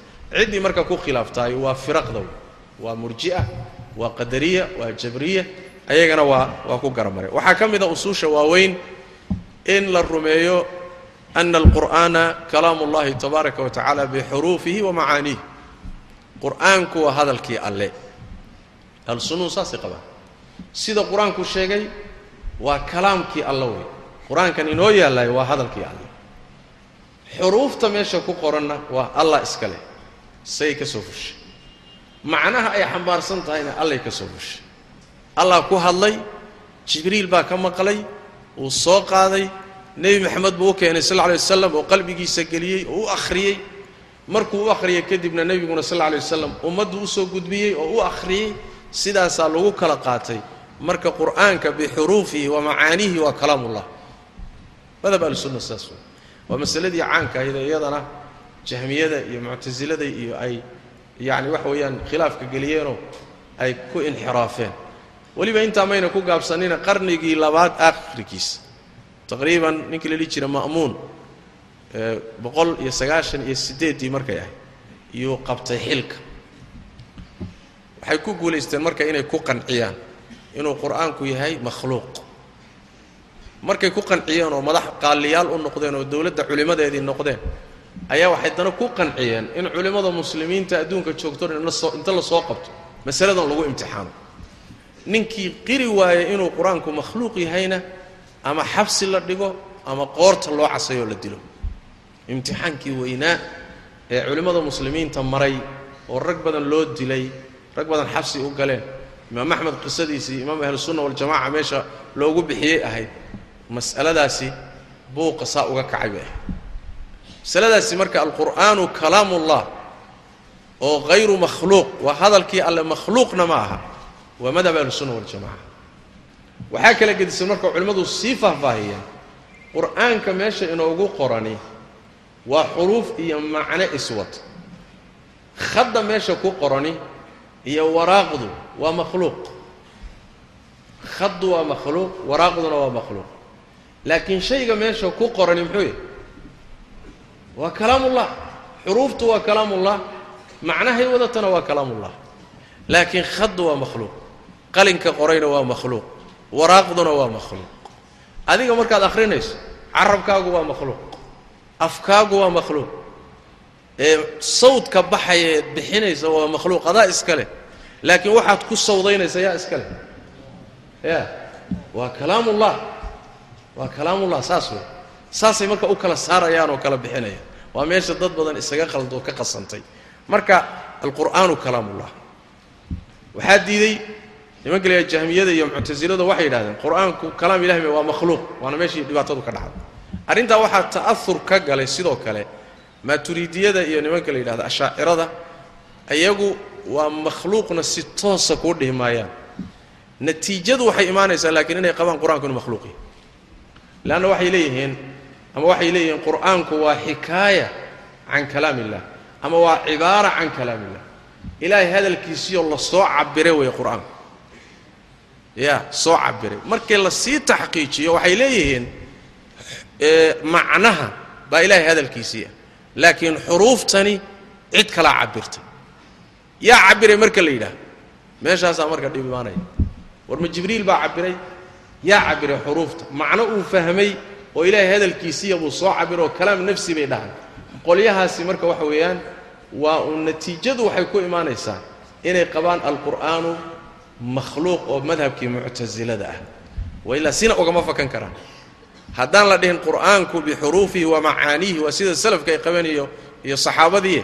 Bixuruufihi wa macaaniihi waa kalaamullah. Wixii ka soo hadhay waa tadabdub waa. Marka ee iyadana halkaasi waa asal ka mida usuul ahlisunna waljamaca waxaa ka mid a usuushooda dadka ahlulqibladaha ah kama saaraan islaamnimadoo diinta kama saaraan ila biburhaanin qaatic cindahum fiihi min allahi burhaan. Asal waxaa ka mid a usuushooda inaan dadka ahlulqiblaha ee tukada aan diinta laga saarin. Ilaa inuu ruuxu wax cad oo burhaantiisu caddahay xagga rabbina ka yimid hadalna aan geli karin inuu la yimaado markaa lagu gaalaysiiyo mooye. Asal min usuulihim weeye oo ay ku khilaafsan yihiin khawaarijta iyo muctasilada labada. Markaasay dawaabid ka dejiyeen. Aad iyo aadna way uga taxadareen leanna siday qabaan waxa weeye man habata islaamuhu biyaqiin laa yakhruju ila biyaqiin. Yacni ruuxu marba haddii islaamnimadiisa yaqiin ay sugnaato. Maxay ku sugnaanaysaa? Ruuxii waa ashahaatay. Hadduu ashahaatayna waa tukanaya wax buriyeyna ma hayno islaamnimadiisa waa muslim. Xugum muslim baa la siinaya. Ilaa la helo wax cad oo diinka bax ah oon hadalgeli karin waa muslim ruuxi. Xuquuqdii muslimiintu le waa ahlulqibla ahlulqibla la yidhahdaayo la gaalaysiin maayo lagu xadgudbi maayo. Haddii ay noqoto inuu xataa ku dhaco shay qaalnimo gaalnimo keenayo oo mukafir ah waataan ka soo hadallay muxaadaradii hore in la kala qaadayo isaga marka la xukumayo iyo ficilkiisa marka la xukumayo isaga marka la xukumayo shuruud dheeraadu u baahan yahay. Mawaanic inay meesha ka baxdo u baahan yahay. Xaalkiisa in la fiiriyo u baahan yahay. Xujada in lagu ogo u baahan yahay. In wax loo caddeeyo u baahan yahay. In shubhada laga zuuliyo u baahan yahay. Wahaakada waa marka isaga la xukumayo. Ficilka marka la xukumayo khaladku galaysa waa ka gedisan yahay. Marka masaladaas masalada aad uga taxadareen bay ka mid tahay. Waxaa taana ku khilaafay nimanka khawaarijta la yidhaha oy u fududaatay inay muslimiinta diinta ka saaraan. Oo fududaystay inay saxaabadii gaalaysiiyaan saxaabadii nebiga sal alla alay wasalam iyo raggii jannadaba loogu bishaareeyey bay diinta ka saareen. Kadibna dhiiggooday bannaysteen. Qoladaasaa asal u ah. Kadibna fikirkaasi wuu soo jirayoo ilaa maanta waa jira. Magacyaha kala gedisnaa. Ama takfiir walhijra dheh ama magac kale ha la baxeen asalkaaba hadday qaataan waa khawaarijtii iyo takfiirkii iyo yacni waxa weye asalkaas ooy ahlu sunnaha markaa ay ku khilaafsan yihiin. Aad baa nebigu sal lla lay slam uga digay oo muslimiinta iyo diinta in laga saaroo la gaalaysiiyo uu uga digay rasuulku sal lay wasalam bal wuxuu tilmaamay in ruuxa dadka gaalaysiinayay aan mudnayn gaalaysiinta labadooda ka gaalaysiinta tuuraya iyo kan la gaalaysiinaya lagu tuurayaan mudnayn kan tuuraya inuu ku xaq leeyahay gaalaysiinta oo ka mudan yahay kanuu gaalaysiinayo xadiidkii xudayfa tilmaamaya nebigu sal lla lay waslam uu yidhi waxa ugu badaneen idinka baqayo waa nin qur'aanka akhriyey oo bartay. Markii bahjadii iyo quruxdii iyo dhalaalkii qur'aanka lagu arkay ayuu markaa kadib qur'aankii gadaal ka tuuray dhabarkiisa gadaashiisu ka tuuray. Kadibna dariskiisii ayuu gaalaysiiyey seef buu u qaato markaasuu dhiiggiisa bannaystay. Dadkii buu laayay hadda waa ahlulqur'aan kow ogow waa nin qur'aanka bartoo dhalaalkii cibaadadii qur'aankii wixii baa ka muuqa markaasaa nebigu weydi wuxuu weydiiyey xudayfa rasuul ilaahay ow kan wax gaalaysiinaya miyaa gaalnimada ku habboon? Mise kan la gaalaysiinayo nebigu wuxu uhi sl balka gaalaysiinaya labadooda gaalnimada ku habboon. Gaalaysiin kana mudan. Maxaa yeelay hawshuu galay baan sahlanayn. Sidaas daraaddeed aad bay uga taxadari jireen a'immadu in ruuxan la yidhaahdo waa gaal aad bay uga taxadari jireen. Miaal haddaan idiin soo qaado waxaa ku filan siday ula dhaqmeen khawaarijta. Khawaarijta axaadiista ku soo aroortay meelay ku soo aroortay firqa ay ku soo aroortay ma jirto. Intaa firaq leexatay firqada axaadiista ugu fara badan ay ku soo aroortay waa khawaarijta. Oo nebigu sal lla lay slam uu tilmaamay axaadiis daahirkeedu uu ku cad yahay inay diinta ka baxayaan. Yamruquuna min addiini kamaa yamruqu asahmu min alramiy sida leebka meesha lagu ganay uuga dhex baxoo kale saasay diinta uga dhex baxayaan. Wuxuu nebigu markaasaad leebkii fiirinaysa. Leebka markaad fiiriso afka horaad fiirin oo nasliga ah mise waxba kuma yaalo yacni meeshii uu maray wax kaga hadhay ma jiro.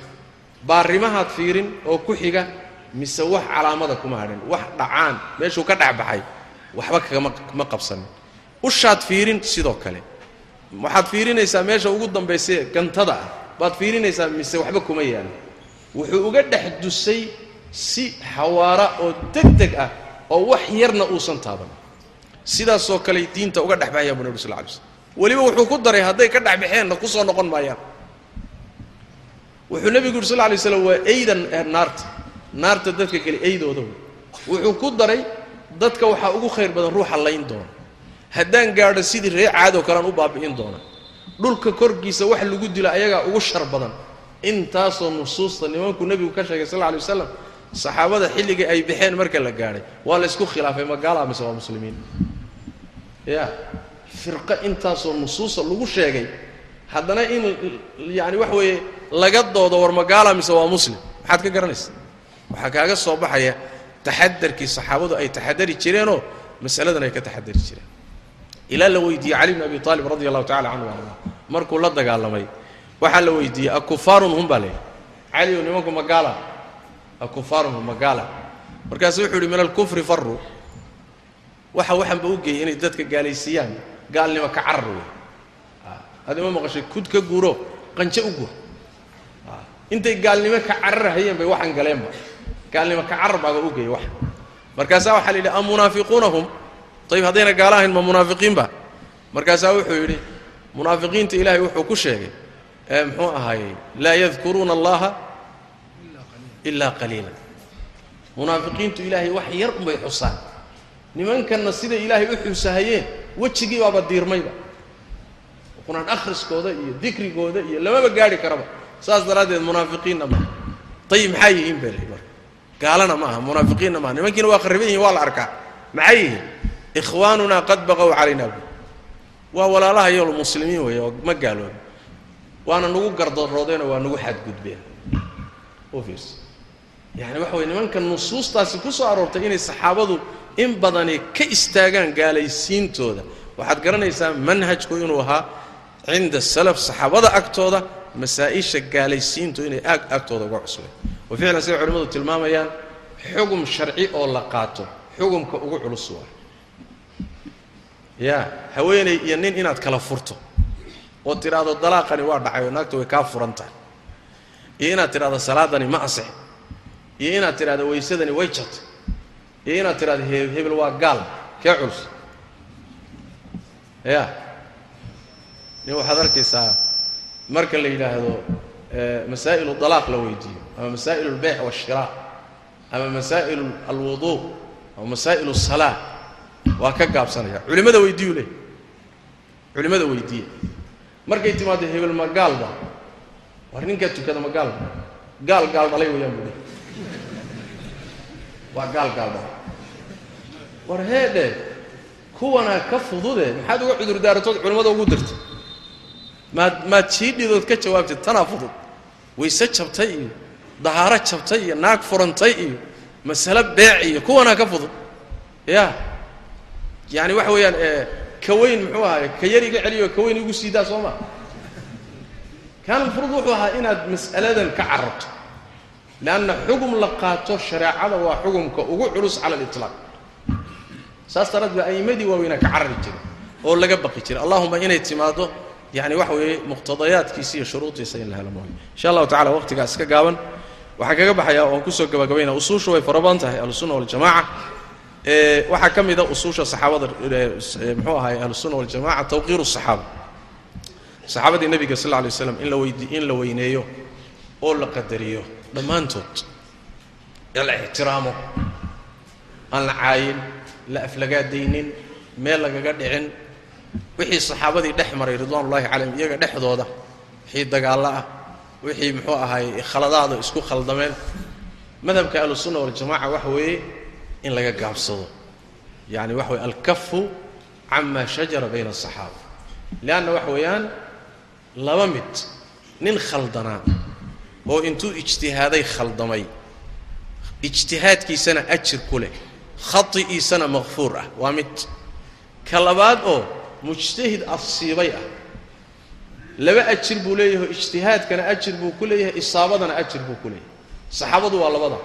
Maa bayna mujtahidin mukhti oo lahu ajrun wa mujtahidin musiib walahu ajraan khata hadduu jiray kale ficlan waa jiraan oo macsuum maynan ahayn laakiin marka loo fiiriyo khayraadkii ay la yimaadeen waa dhibic yacani dhiig ah oo biyo bad ku dhex dhacday oo maxay ka tari karta? Waxaan wax loo dhiga lahayn hal maalin oy nebi maxamed la saaxiibeen baan wax loo dhiga lahayn. Salawaatu rabbi wasalaamu caleyh hal maalin oy nebiga la saaxiibeen baan wax loo dhiga lahayn. Sida imaam axmed iyo keyrka ay tilmaamayeen. Marka saxaabadii nebiga sal ly slm ixtiraam bay nagu leeyihiin in meel lagaga dhaca maaha nebigeenna salawaatu rabbi wasalaamu calayh dagaalkii tabuuk markuu u sii socday dagaalkii tabuuk ee suuratu tawba ku soo degtay. Markuu u sii socday ayaa niman baa saxaabada wax ka sheegay iyagoo jidka hayay ku sheekaysteen waa niman munaafiqiinoo xumo fiicnayn bay ahaayeen. Markaasay saddex tilmaamood bay ku caayeen. Waxay yidhahdeen horta nimankan saxaabadee maxamed la socday ardadiisaa markuu hunguri yimaado waa niman lex jeclo badan. Waa niman hunguri badan. Midda labaadee hal la hadla haddii la yidhahdana dadkay ugu been badan yihiin ta saddexaad rag ha la iska celiyo markay noqotona maba hooriyaanoo waa fulayo saddexaasay ku sheegeen allah wuxuu ku soo dejiyey aayadda qur'aanka. Walain sa'altahum layaquulunna inama kuna nakhuudu wanalcab qul abillaahi waaayaatihi warasuulih kuntum tastahzi'uun. Laa tactadiruu qad kafartum bacda iimaanikum in nacfu can طaa'ifatin minkum nucadib طaa'ifatan biannahum kanuu mujrimiin. Haddaad weydiiso war maxaa idiin geeya saxaabada caydooda? Iyadaad wax ka sheegtaan. Waxay leeyihiin innamaa kunaa nakhuudu wanalcab hadalkaa nala jiidhay waa ciyaaraynay kaftamaynay jidka un baanu ku marayno waa iska sheekaysanayna warkaasay dhahay waxaad ku tidhaahdaa baa la yidhi rabbi tabaaraka wa tacala uu yidhi ma allah iyo aayaadkiisa iyo rasuulkiisaaad ku jeesjeesaysaa dadka la caayay ahay ma ilaahay bay caayeen mise aayaadkay caayeen mise rasuulkay caayeen yay caayeen ya saxaabaday caayeen aayadduna maxay ku timid ma alle iyo aayaadkiisiiyo rasuulkaad ku jeesjeesteen meesha waxaa ka muuqata saxaabada qoladii ku jeesjeestay. Alle iyo aayaadkiisa iyo rasuulkiisa inay ku jeesjeeseen baa laga dhigay. Markaasaa waxaa la yidhi laa tactadiruu ha cudur daaranina qad kafartum waad gaalowdeen bacda iimaanikum. Iimaan kadib gaalaad tihiin waxba ha cudur daaranina saxaabada caydoodu marka hawl sahlan ma ah waa midda uu leeyahay alimaam maalik calayh raxmat ullah saxaabada dadka caaya inay gaalo yihiin wuxuu u daliishanaya inay diin lahayn. Aayadda fi suurati aayadda fi aakhiri suurati muxuu ahay suurati alfatx maxay? Liyagiida bihim اlkufaar liyagiida bihim اlkufaar in gaalada lagaga cadhaysiiyo. Ya saxaabada nebiga cidda ka cadhood ee nacda waa gaalada inayna haniimada muslimiinta waxba ku lahaynna wuxuu imaam maalik u deliishaday. Sidoo kale saddexda aayadood ee isku xigtay suuratulxashri ku jirta. Ee ka bilaabata lilfuqaraa'i almuhaajiriin waaladiina tabawa'u daar waaladiina jaa'uu min bacdihim. Saddexdaasu saddexdaas wixii aan ahayn haniimad waxaa la yidhi fay-a waxba kuma laha. Aayadahaasuu marka u deliishanaya isaga keyrkiiba saxaabada ciddii caydaaye inaysan muslim ahayn. Waa madhab la yaqaano mashhuuro. In badan oo a'immadii ka mida ay mareen. Waxaan doonayaa halkaa inaan marka tilmaamo. Saxaabada mas'aladooda waxaa ku khilaafsan ahlu sunnaha nimanka shiicada la yidhahdo. Shiicada nimanka la yidhahdo. Oo qaarna ay gaalaysiiyaan saxaabada. Wax yar mooye inta kale ay yidhahdaan nebigu markuu dhintay kadib ay diinta ka baxeen. Qaarna ay yidhaahdaan bannaystaan caydoodiiyo wax ka sheegooda bal iska dhaafe kibaaru saxaabay lacnadaan oo lacnadoodayba ku cibaadaystaanba. Annaga markaan cibaadaysanayno wardinayno soo subxaana allah alxamdulilah ma dhahan ayaga subxaana allahi alxamdulilah booskeeda waxaa ugu jira inay abubakar iyo cumar lacnadaan. Oo yidhahdaan allahuma alcan sanamay quraysh wa jibtayhima wa taaquutayhima wa bnatayhima ilaahu labadii sanamee quraysh lacnad oo labadii muxuu ahay shaydaan lacnad oo labadii saaxir lacnad oo labadoodii gabdhood lacnad wuu wardinaya. Saasuu ku wardinaya shiiciga raafidiga. Ya yaa laga wadaa? Waa abubakar iyo cumar. Waa labadii sheekh ee saxaabada. Ummaddanna bacda nebiyiha uguna cilmi badnaa uguna fadli badnaa. Labada gabdhoodna ma taqaanaa. Labada gabdhood yay ka wadaan? Waa caaisha iyo xafsa labadii xaasee nebiga salawatu rabbi wasalaamu caleyh nimanka marka raafidada ah ee shiicada ah ayaa saxaabada nabiga ku xadgudbay usuushoodayna ka mid tahay.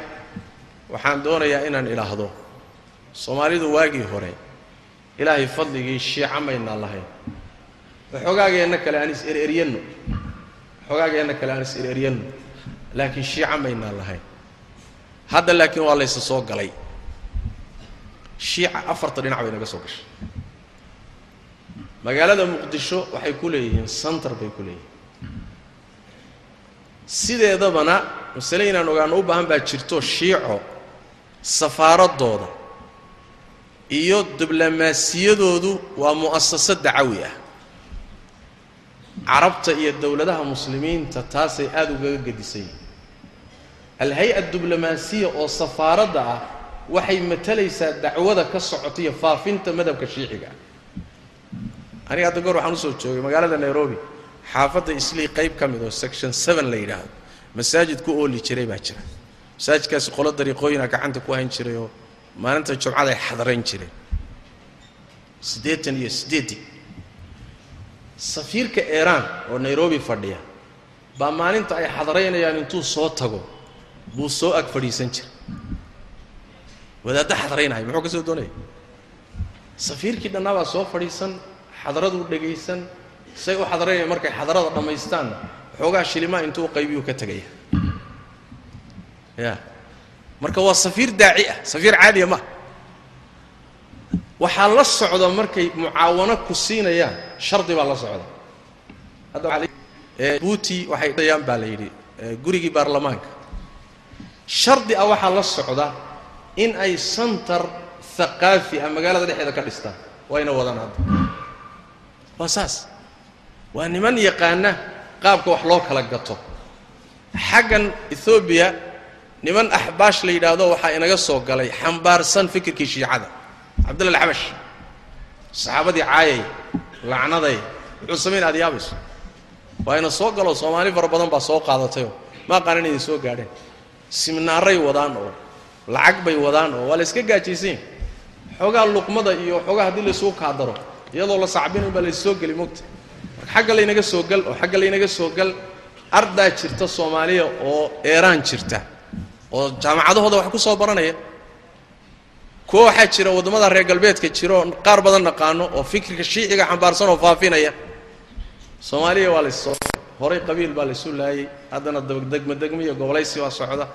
Miyaan suurtagal ahayn ilaahay inaga haye? Berri inay timaaddo shiiciya sunna waa aafo weyn masaladaasi waxay u baahan tahay in baraarug badan laga sameeyo ummaddana laga baraarujiyo. Oo soomaalidu waxoogaa fikirkaa shiiciga xamaas baan u yar haynaayo waxay muujisaan inta badan gaaladaan iska celinayna. Yuhuud baan ka adkaanay gaaladaan iska celinaa reer galbeedkaan isku taagannahay caadifaa marka loo haya dad badan wallahi wax ka ragsan ma jiro. Waxaa la leeyahay carabahan maryaha waaweyne naagaha maxay sheegahay raggaasaa rag. Ah caamayga soomaaliga marka isagoon waxba ka warhaynin mabaadi'da ogeyn duurkuu ka judbaysan yahay waddadaasuu ka taageersan yahay hadday marka iyagoo socda u yimaadaan maxaad u malay xoogaa luqmadana siiyaan waa gaajaysan yahay khalaas. Masaladaasi baraarujin bay mudan tahay. Waadna la socotaan khilaafka ahlusunna washiica maanta dhex taagan yani wax weeyaan waxaan u malaynaya inuusan idinka qarsoonayn yeman nimankan xuuiyiinta la yidhaha bayna asunna washiica wey xuuiyiinta waa raafido lubnaan meesha la yidhaahdo sunniyiintaa iska lahaa shiica la wareegta nimankan xisbulislaam lagu leeyahay muxuu ahaye xisbullahi xisbullahtaa la yidhahdo xisbullaatahaasi waa raafido nimankan haysta ee suuriya ee la yidhaahdo calawiyiinta ama nusayriyada ee ka taliyahay ee muslimiinta hadda sunniyiinta baabi'inaya waa shiico raafido waa niman bay sacuudiga degeen. Innagoo soomaaliya ugu fayoobeyn hadda waa layna galo waad aragta waa layna xulay sidaas daraaddeed waxaan rabaa inaan idhaahdo shiico saxaabada keliya ma ahee usuul waaweyn baan ku kala gedisanay khaasatan raafidada waana ina soo galeen mujtamaca muslimka inuu ku baraaruge sunniga ah baa loo baahan yahay oo layska xakameeyo afkaartooda. Wakhti dheer baan idinka qaatay usuushana saan tilmaamay mawduucu waa gudaweyahay oo dee ilaa xalaqaad fara badan buu u baahan yahay laakiin intii uunaan isidi waa ugu muhiimsan yihiin baan tilmaamay taasaan kaga baxaya jasakum allah khayr asalaamu calaykum waraxmat ullah wabarakatu الحمد لله رب العالمين وصلى الله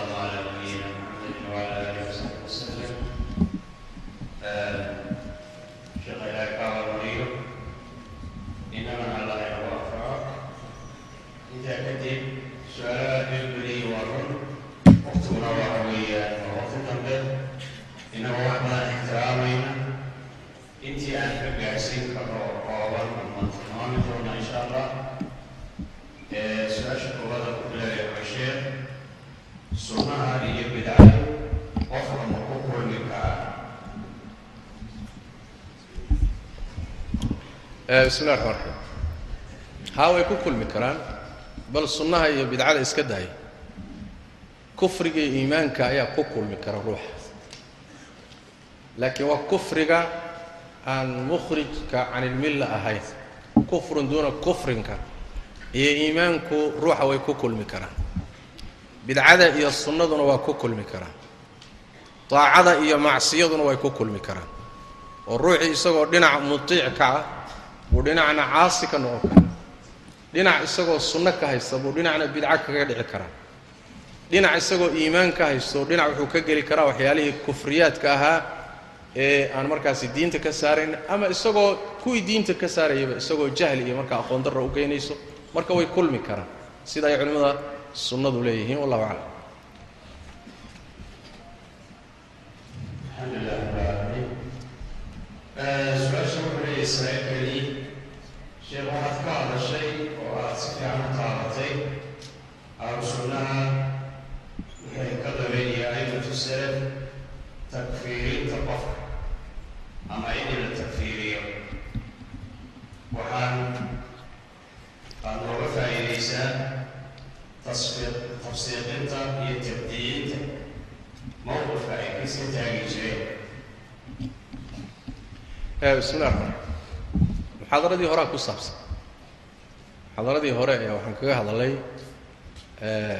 muxuu ahay qawaacid fi tacaamul maca ahli اlbidaca taasaan kaga hadalay oo tabdiica iyo tafsiiqa iyo takfiirka kulli waxaa la ysku yidhaahdaa masaa'il alaxkaam waalasmaa baa la ysku dhahaa iyagoo dhan marka waa ka taxadari jireen. Allahuma in muujibkii la helo wixii keenaya in la helo mooyaane.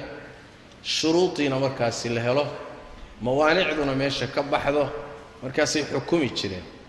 Taxadarkoodana way qabi jireen. Waxaa kala gedisan uun takfiirka waxaa ka laasimaya waa diinka bax. Way ka culus tahay tabdiica waxa ka laasimaya tafsiiqa waxa ka laasimaya way ka culus tahay. Xagga aharka marka la firiyo laakiin xagga shuruuda iyo mawaanicdii waxa loo shartaynayo waa isku midoo baabu lasmaa walaxkaam oo dhan baa qaadanaya arrintaa iyada. Wallahu aclam. Waljamaaca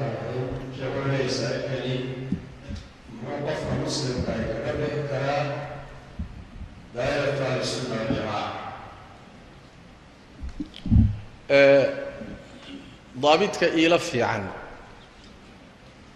waa daabidka uu dhigay alimaamu shaatibi caleyh raxmat ullah daabidkaasi wuxuu leeyahay hadduu ruuxu kulliya ama firqadu kulliya min kuliyaati اddiin usuusha waaweyn kuwaan hadda ka hadlayniyo kuwo kale usuusha waaweyn iyo kuliyaadka hadduu mid ka mida ku khilaafo waa ahlulfurqa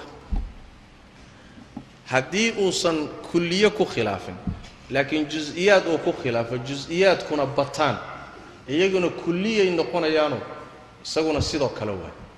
Laakiin labadaa waxaan ahayn maya maalan haddaan tusaale nidhaahno wuxuu qabaa imaamkani ama qoladani qabaan baabul asmaa wasifaat sidii ahlu sunnaha ay ka qabaan. Laakiin asalkaa guud ayagoo waafaqsan bay tafaasiisha hoose sifo sifaadkii ka mida ayuu maalan imaamku ku khaldamay. Ma kaga baxayaa waa maya kagama baxayo leanna kulliye maaha marka waa jus-iya bimacnaa sifaadka rabbi iyo qawaaciddii ahlu sunnaha sidii buu maraya laakiin khalad baa ka dhacayoo meel markuu maraya buu sifo ku khaldamay wuu awilay maalan wuu leexiyey macnihii buu ka leexiyey waxaan leenahay marka waa khata jus-i ah ma fara badna sidaas daraaddeed maadaama kuliyadii uu ku waafaqsan yahay jus-iyaad khilaafayna uusan badanna uusan la imaanin waa min jumlati ahli الsunna waljamaca daabidkaasaa iila fiican intaan arkay dawaabidda in daabid la dhigana waa laga maarmaan. Haddaan shayga daabid loo samaynin oo ruux walba hawadiisa loo daayo dee nin walba ninkay isqabtaan buu ka saari. Soo ma? Waa in qaacida jirto. Haddayna qaacida jirin hawa marka dadka qaadayso nin walba ninkay isku xanaaqaan oo masale isku qabtaanba ama kitaab buu ka qori ama muxuu ahay wuxuu ka soo saaraya fatwu ka soo saaraya. Marka wixii inuu qawaacid leeyahay dawaabid leeyahay ninkii ka baxana lagu soo celiyo ninkii khilaafo yacni wax ka gedisan la yimaado la yidhahdo qaacidadii buu khilaafay buu u baahan yahay. Marka daabidka iila roon intaan arkay waa daabidka uu dhigay alimaamu shaatibi calayh raxmat ullah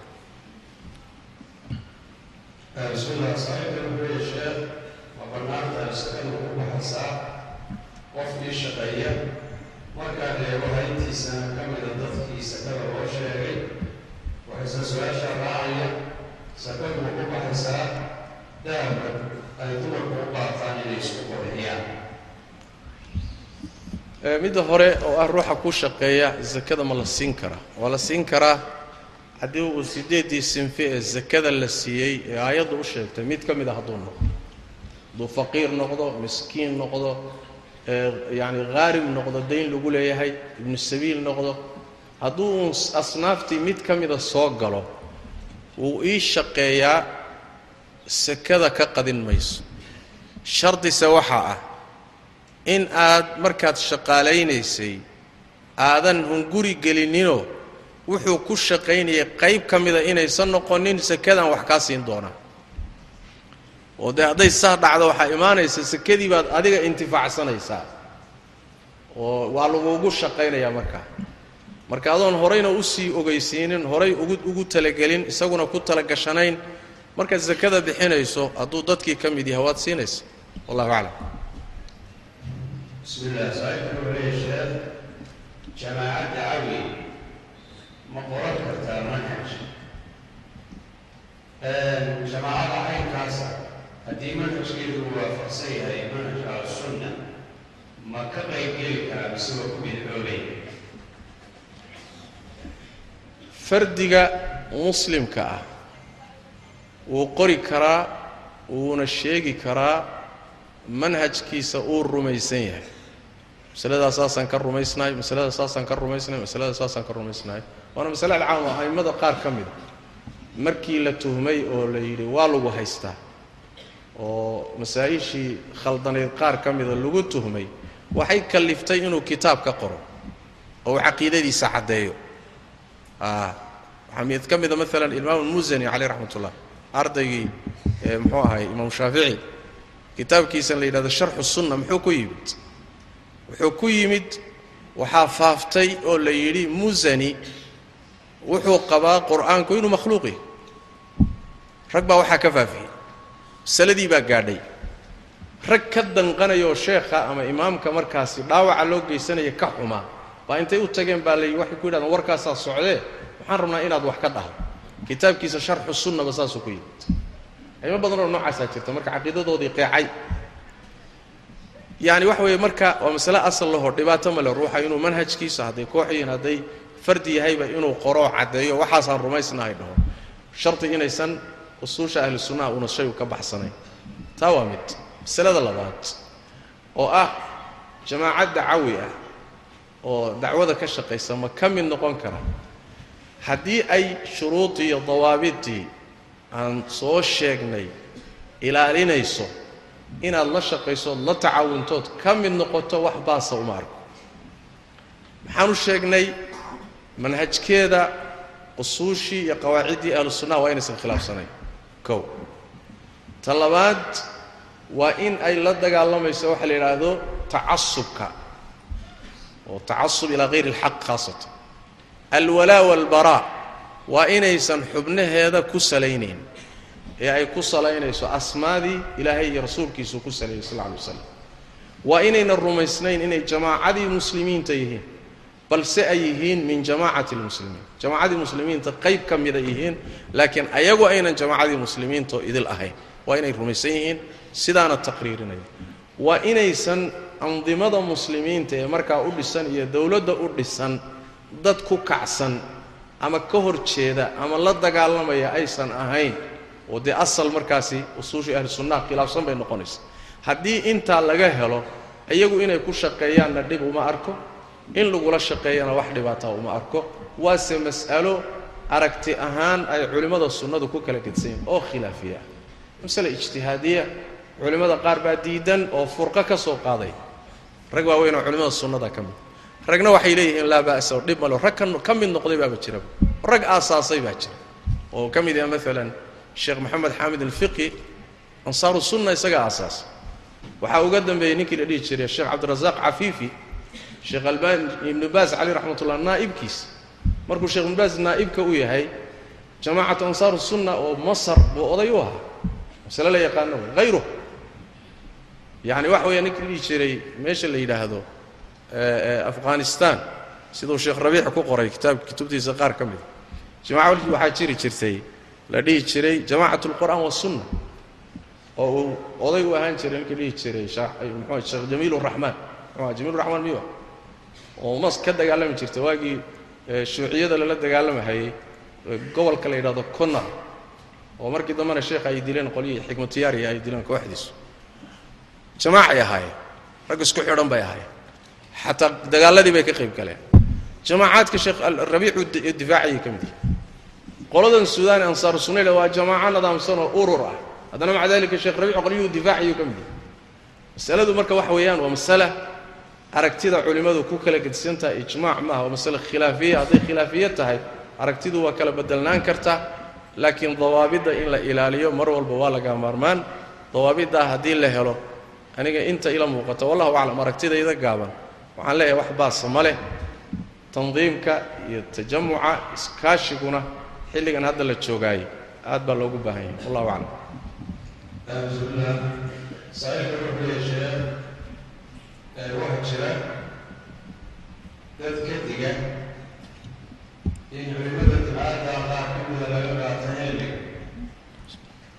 Arrintaa yaa cilmiga laga qaadan karaa yaanse laga qaadan karin cilmiga iyo ay fidinayaan iyo dacwada ay odhaan haddaad rabtaan inaan sheekh yar cajaladan waa dhow dhegaysanaya qolo soo islaamtay oo yacani kanadiyaanka madmadow ah ayaa soo islaamtay markay soo islaameen oo iskaba cusub yihiin ayay wadaad soomaaliyeed bay su'aal weydiinayaan.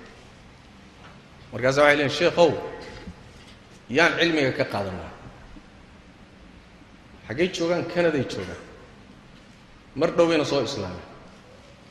Markaasuu wuxuu ku leeyahy laba wadaadoo soomaaliya joogto u sheegaya sheekh hebel iyo sheekh hebel ka qaatu le xataa kuwii canada la joogay ag joogeen war kuwaa ka qaata xataa. Sidaas daraaddeed cilmiga markaad qaadanayso cidda markaa kula joogtee suurtagalka ku abay ku xidhan tahay. Haddaad heli karto culimo fii daa'irati sunna culimmada sunnada ka mida waxaad rabtayna aad ka helayso kuwa ahlulbidaca inaad aadaayi sax ma ah. Mar waxaad ku qasbanaanaysaa haddaad weydo culimmadii sunnada inaad culimmada ahlulbidaca wixii aad heli karto ka qaadato khaasatan haddaad ku baraarugsan tahay usuushooda inxiraafka ood iska ilaalin karto. Wayna dhacdo waa kaan soo sheegnayo inay salafku marmarka qaarkood ka qaadan jireen ee cilmiga laga qaadan jira waa haddii laga maarmi waayo mar dhici jirta waxay ku xidhan tahay marka darafka aad joogto iyo meeshaad joogto maxaa kuu suurtoobi kara? Wixii kuu suroobi karo hadday kuu suroobi karto culimmada sunnada un inaad ku kaaftoto cilmigaad rabtay aad heshana khayr. Haddaad weydo marmarba waxaa dhici karaysa inaad meeshaba ka weydaba nin culimo oo sunno ah oo naxwada aad ka akhrisato. Wadaadkaasi muxuu ahay inxiraafsanee naxwada akhrinaya inaad naxwada ka akhrista ma dhibaa ma ma waxbaa diidaya masaladu marka waxa weeye laa shatad huluwina ma leh gaabinna ma leh. Waa midda kale waxaa kala gedisan. Ninkani mas'aluu ku khaldan yahay iyo cilmi buu faafinaya. Masaluu caan ku yahay. Cilmina buu faafinaya way kala duwan yihiin kutub fara badanoon hadda haysanoo inoo qoran a'immadii qortay mas'alo asal waxbay ku khaldameen. Haddana maca dalika kutubtoodii baan ka faa'idaysana inoo taalla qole xadaadiye la yidhahda waa dhow soo baxda waxay yidhaha muxuu ahay fatxulbaariga hala gubo. Oo saxiix muslimka sharxiisa oo nawowi hala gubo. Sheekh albani caleyh raxmat ullah baa wuxuu yidhi salafiyada maanta joogta waxaan taxaddi buu sameyey wuxu yidhi salafiyada maanta joogta fatxulbaariga ha noo sharxeen buu yidhi. Markaa ka ibni xajar waa iska gubaynaa buu ma la sharxi karo.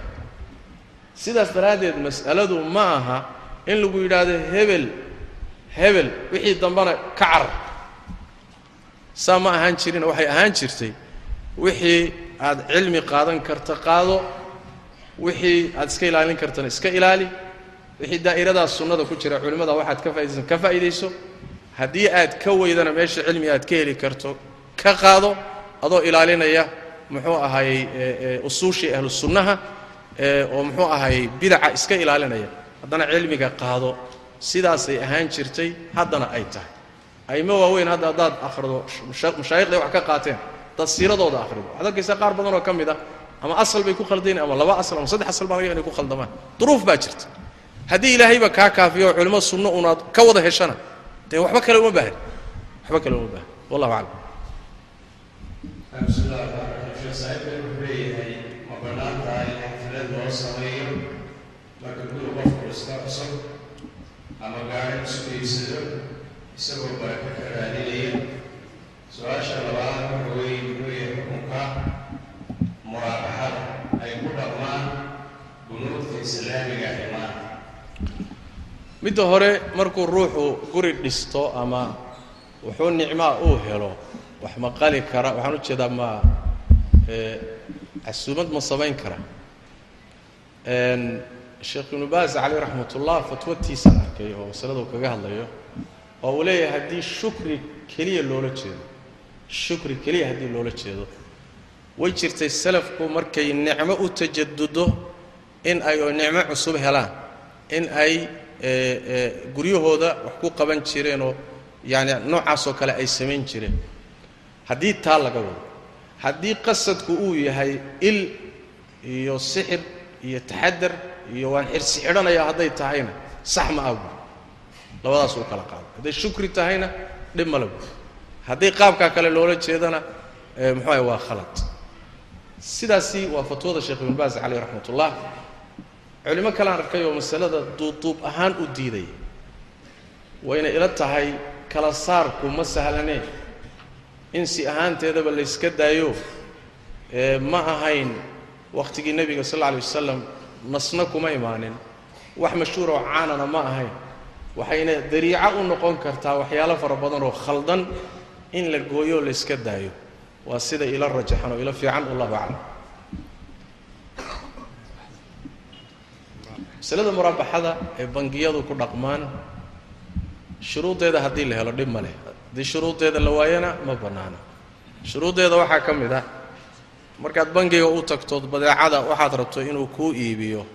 Aad tidhaahdo waxaasaan u baahnahay. Badeecadaasaan u baahnahay. Bangigu waa inuu badeecadii soo iibsado. Bangigu waa inuu badeecadii soo iibsado haddaad adigu soo aragtood la soo gorgortanto oo meeshay taallo soo aragtood ku soo noqotood tidhaahdo anaa soo arko halkaasay taallaa qiimahaasayna joogtaa. Dhib ma leh. Laakiin intaa wixii ka dambeeya waa inaad adiga meesha ka baxdo waa inuu bangigii tago ama wakiilkiisu tago. Waa inuu badeecadii iibsado ama ha soo daynsado ama lacagta ha bixiyo. Markuu iibsado kadibna waa inuu kala soo wareego ciddii uu ka iibsaday oo damaanadiisi iyo gacantiisa inay soo gasho. Markay la soo wareego kadib ayuu kaa iibin karaa oo heshiis dhab ah markaa kula geli karaa ka heshiin kartaan sidaad marka lacagta u siin lahay inaad heshiis gasho isagoo bangigu uusan badeecadiiba soo iibsanin heshiiska kaa saxiixo waa qalad.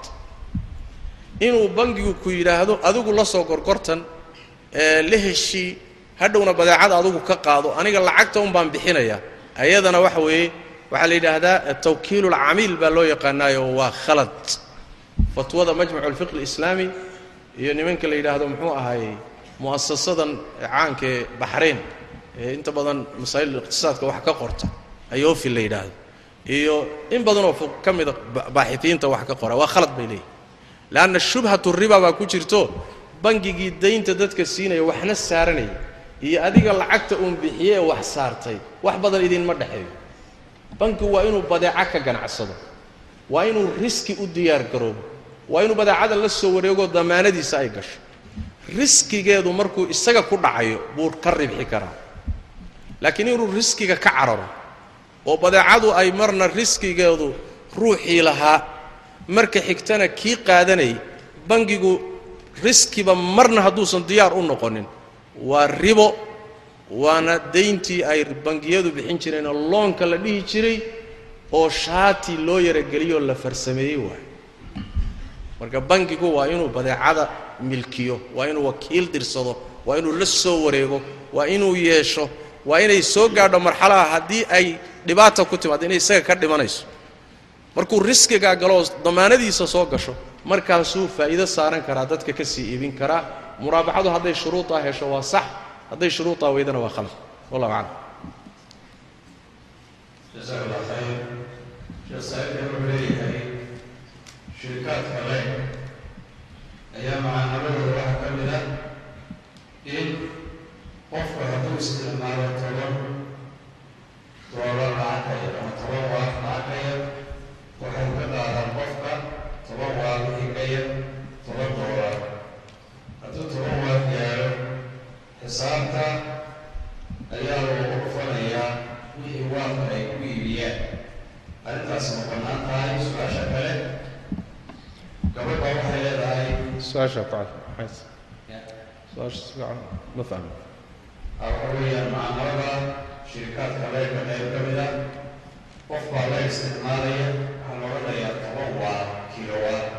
Wax ka yar haddaad isticmaasho lagugu dhufan maayo waad weliba intuu ahaa ee waxaa lagugu dhufanayaa toban doolar baa laga qaaday tan saddex waad baad isticmaasho haddii aad toban kilowaad wax ka badan isticmaasho koob iyo toban bay gaadhay ama toban bay gaadhay waxaa lagugu dhufanayaa wixii shirkadu ay halka waad ka qaadi jirtay su'aasha waa taa wey talabaad waxa weye gabadha waxay leedahay niman wuu wuu dhoofay kadibna wuxuu igu yidhi biila musiin maayo iyo soo taxriim markaad xagga ay ku timaado yaan meel ku dhiganaya markaad ka dalbay furayna wuxuu ku furi maayo maxaa yeela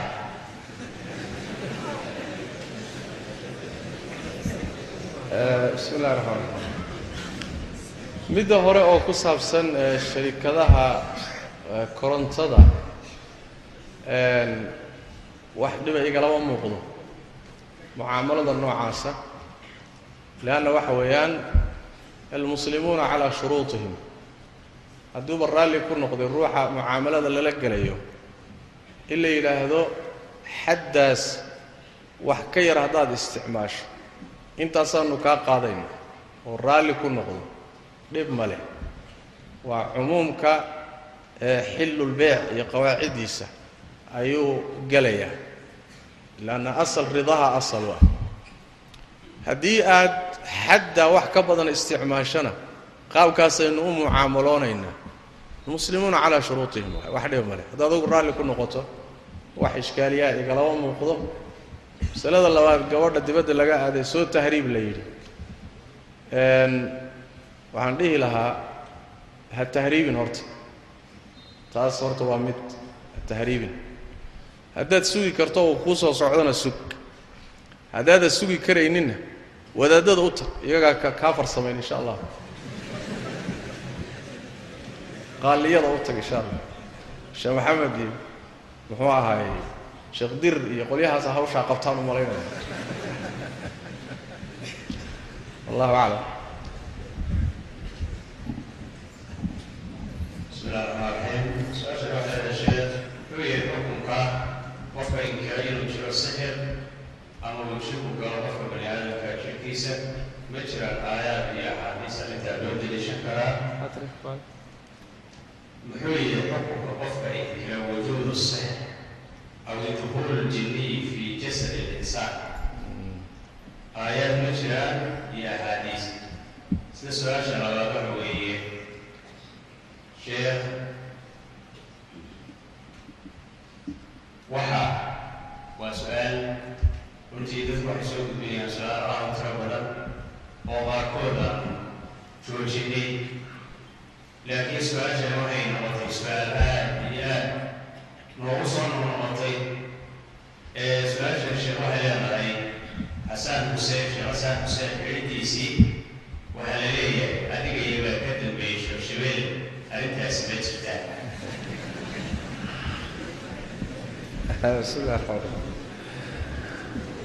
su'aasha hore oo masalada ku saabsan sixirka sixirka qur'aanka sheegay axaadiista nebiguna waa sheegtay rasuulkeennii baa la sixray sal alla alay wasalam sida saxiix bukhaariga ku sugan.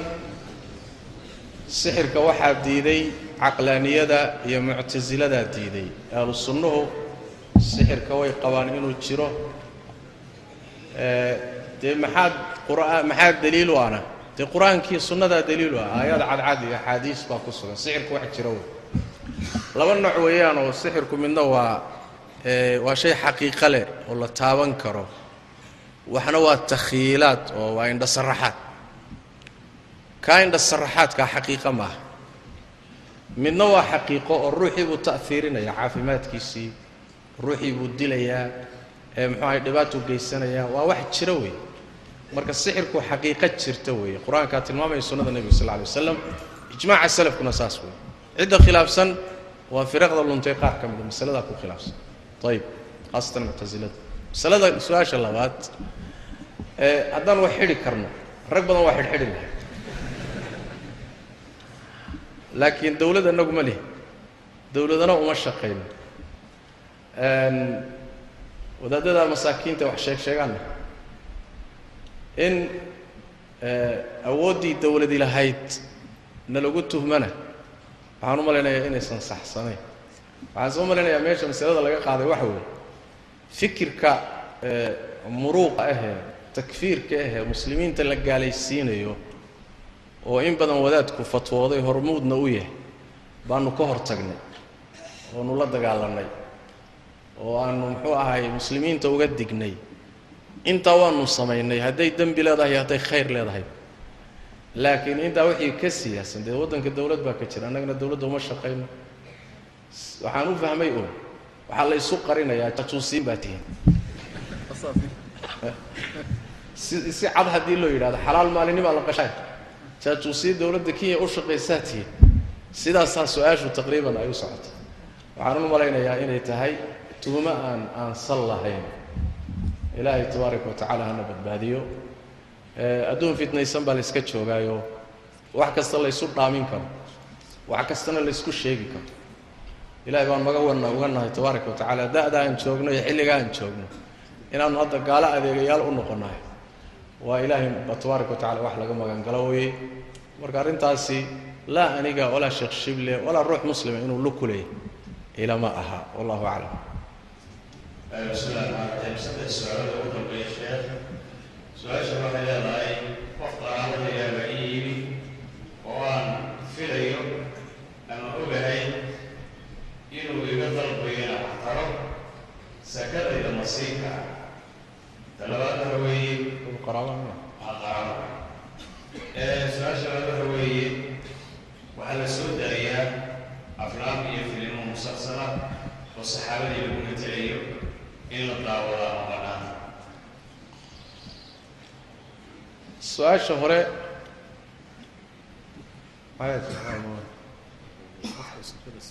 qofta sekada uu siinaya qaraabadaada ah dee ma qaraabanimadaa sekada u diidaysa hadduu dadkii sekada lahaa noqdo hadduu miskiin yahay ama faqiir yahay ya oo baahan yahay qaraabanimadu dadka waxbay siisaayo ma qadiso waxbay u waajibisaayo xaq bay siisaa laakiin xaqulaha kama qadiso nebigu sal alla alay waslam waa ka tilmaamay sadaqada la siiyo ruuxa qaraabada ah laba ajir baa ku jira oo silatun wa sadaqa wa. Qaraabo xidhiidhin ajirkeed iyo sadaqada ajirkeedii labadaba waa ku jiraan. Sadaqada aada siiso dadka aan markaa xigtadaada ahayna ajir sadaqaad ka helaysa. Laakiin ajir sila kuma jiro sidaas daraaddeed hadduu yahay dadkii sekada mudnaa waa la siinayaa. Lagaga qadin maayo. Hadduu shaxaad soo doontay dee shaxaad nin doontay waa nin rafaadsan. Soo ma waa nin baahan armuu ku qayilaa buu sheekhu leeyahy te hadduu ku qayilahayo waa masale kale. Haddaad og tahay inuu khalad u isticmaali doono seke iska dhaaf sadaqaadan siinayn. Haddaad og tahay inuu ama dad ku dilahayo ama waxaa masaladii ahayd baycu lcinaba liman yatakhiduhu khamran baa la masalada ayada. Oo walaa tacaawanuu cala alimi waalcudmaan bay markaa gelaysaa. Laakiin si caadiya hadday masaladu tahay dadkii mudnaa ka mid yahay ee iska lahaa waa la siin karaya. Su'aasha xigtay.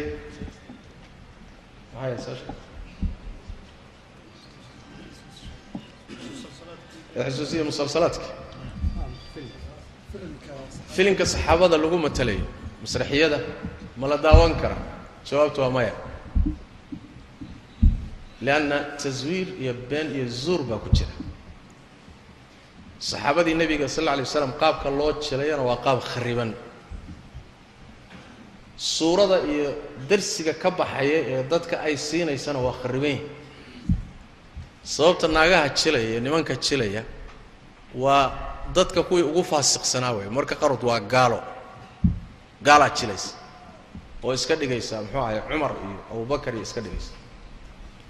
Dumarkii saxaabiyaadkaa waxaa jilaya naaga gaalo ah ama faasiqaad oo qaaqaawan. Carruur soo daawatay baa ilan ma kala saari karaan iyage waxna waa waa dad iyo waa saxaabadii ma kala saari karaan. Waxay u qaadanayaan waa saxaabadii rasmiga. Markaasaa waxay weydiiyeen waxay idhahen sheekh oo caaisha wayba iska qaawanaan jirtay bay ku leeyihiin ya sheekh dumarkan aada marada uun saarteen weyn. Dumarkii saxaabadu wayba qaawanaan jireen timanaha u qaawane maxaa dadka u kadeedaysaan baa la leeyahy a marka messajka iyo risaalada ay bixinayaan waa risaalo khariban oo dadku ka qaadanaya. Sidaas daraaddeed in la daawado oo la fiirsado waa khalad. Ma bannaana wallahu aclam. Waxay leedahay waa su'aalaha ugu badan ee yaantii u soo noqonay iminkana wada soo jabsaday waxay leedahay su'aashaasi waxaa jira sheekh laba kooxood oo si gaara uga baxay magaca sunna kooxda koowaad waa salafiyiin qolada labaadna waxa weeye ahlu sunna waljamaaca labadaa qayboodna keligooda ah saxdana ku taagan isagoo laga mushaarakayn karaa horta waa dhib mushkilo weeye haddaanun magacyo isku laydnoon ku hardanno. Haddii magacyo la kala riixriixdo sidii muxuu ahaayey harag sagaaroo kale. Harag sagaaro waxay dhahaan walba iiga kacmoyo iiga durug ma leh. Hal ruux basaa ku fadhiisan kara soo ma? Marka magacyo uun in laysku laayaayo macno weyn ma keenayso. Sheegashaduna saan soo sheegnayna bayinay u baahan tahay ruuxu inuu isagu wax waasaca isku koobana waa khalad. Muslimiinta caamadooda iyo asalkoodu waa inay ahlu sunno yihiin. Ruuxii aan la ogayn wax cad oo uu kaga baxay asal uu kaga baxay aan la ogayn asalka muslimiintu waa inay ahlu sunno yihiin. Caamadoodu waa inay ahlu sunno yihiin. Saasaa asal. Jecel qur'aanka iyo sunnada iyo dadka haysta jecel ee caamada ah ahlu sunnahay ka tirsan yihiin. Isla caama muslimiinta gelayaan yaa ka baxaya waxaa ka baxaya ruuxii ee la yimaada wixii lagaga bixi jiray ee muctabarka ka ahaa cinda salaf. Sidaa markay u tahay waxaa la doonayaa inaan laysku koobin waxaan koobnayn. Inaan laysa siinin waxaadan keligaa lahayn. Soo hadda maynaan lahayn jamaacatlmuslimiin ma tihiin laakiin maxaad ka mid tihiin min jamaacati lmuslimiin baad ka mid tihiin ahlu sunnihii keligiin maaha laakiin ahlu baad ka mid tihiin soomaalit ahlu sunnihii baad qayb ka tihiin waa haddii aad usuushoodii waafaqsan tihiin laakiin annaga unbaa ahlu sunnaa aniga unbaa ahlu waa masaladii aan habeenkii dhaweyd ka hadlahayo nairobi igu soo martayoo lixdan nin ay yidhaahdeen anagunbaa kenya ahlu sunna ka ah. Ee xataa aan ka kari waayo war aniga un igu dara aniga un bas. Ilaahay qadarkii waxaa dhacday lixdoodii markii dambe lixdoodii. Saddexna meel bay martay saddexna meel bay martay. Maalinta dambe saddex kuwii hore haddana ka saarayoo leh sunniyiin maaha baa ii yimid. Oo haddana leh adigaa hadda sunni oo muxuu ahaay aanu aanu qayb kula nahay ma haddaan aniga sunni noqday maalintii horena waa diideen miya marka taa talaacub baa la dhahaa waa talaacub waa magacii oo aad loogu ciyaaray waa. Yani asmaadani waa magac sharaf leh waa magaca qiimo leh. Yani asxaab xadiid ahlu athar. Asmaadani waa asmaa ka turjumaysa saxaabada iyo dadkii jidkoodii maray waa in marka dawaabidoodii la ilaaliyo sumcaddii la ilaaliyo hadday noqoto uun wax lagu maadaysto oo tasarufka dadkooda lagu maadaysto waa khalad.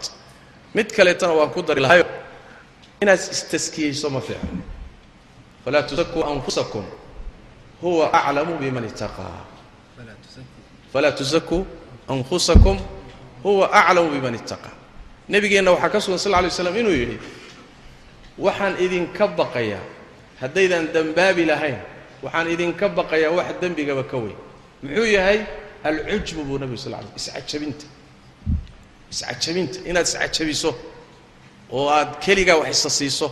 Inaad tawaaducdaa la doonaya sax! Ku dadaal inaad manhajkii barato inaad raacdo laakiin dad aadan ka xigin ha ka xigsan.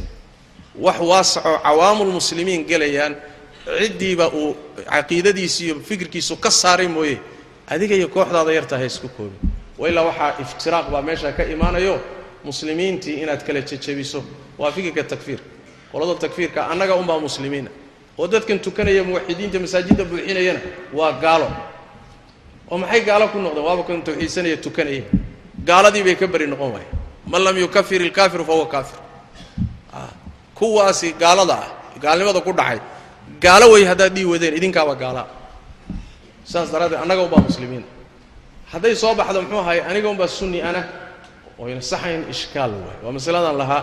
Naqli qiimo badan baa jira. Uu leeyahy shekh ibnu cuthaymiin caleyh raxmatullah masalada kaga hadlayo culimo badanna waa ka digay culimada sunnada ka mid. Saas daraaddeed waxaan leeyahay sax weeye jeclaada sunnada ehelkeeda jeclaada raaca barta ku faana waa loo baahan yahay. Muslimiintao dhan bay u taallaa.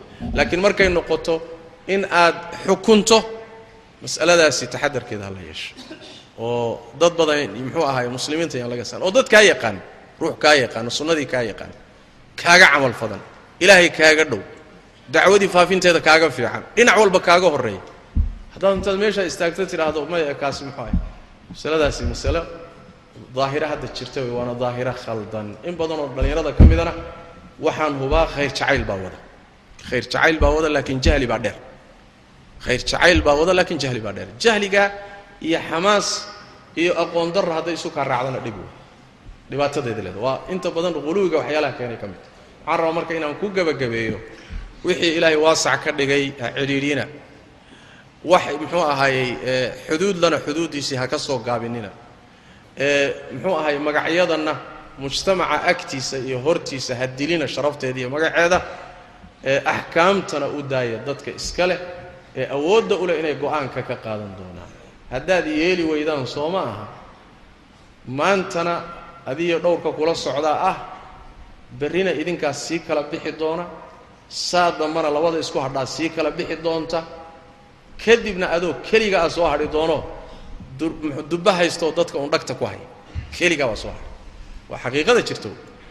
Fikirkanna waxaan barnaamijkan dadkii bilaabay waxaan garanayaa wadaad wadaadadii ka mid a. Siduu u socday oo caalamulislaami maalin baa nid uga takhallusah uga takhallusay u waday u waday u waday ayaa markii ugu dambaysay isagii xerowgiisaas ku soo hadhay.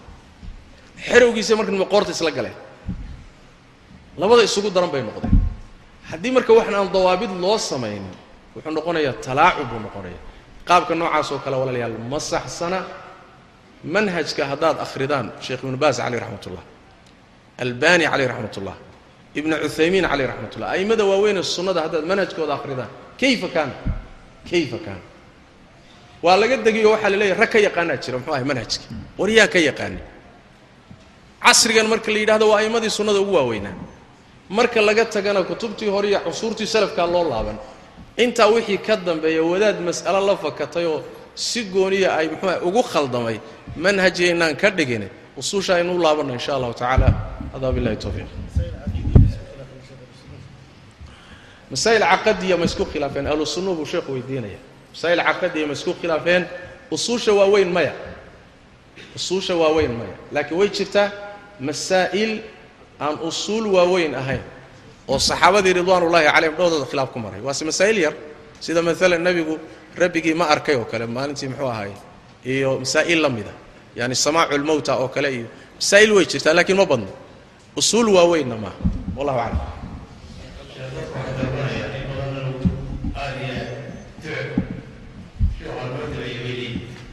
Ilaahay tabaaraka wa tacaala khaatimada allah inoo hagaajiyo tawfiiqdan allah inoo waafajiyo cilmiga naafica allah inoo sahlo. Camalfalkiisana allah inoo sahlo. Ilaahay tabaaraka wa tacala adduuniya akhraba allah ina xifdiyo. Labada daarood allah ina liibaano. Ilaahay tabaaraka wa tacaala sunnada iyo dariiqa wanaagsan allah inagu dilo. Qabriga allah inaga xifdiyo. Jannadiisa firdows allah inagiyo cadaabkana allah inaga xifdiyo. Hada billahi tawfiiq. Sal allahuma sallam wa barak ala nabiyina maxamed wa ala ali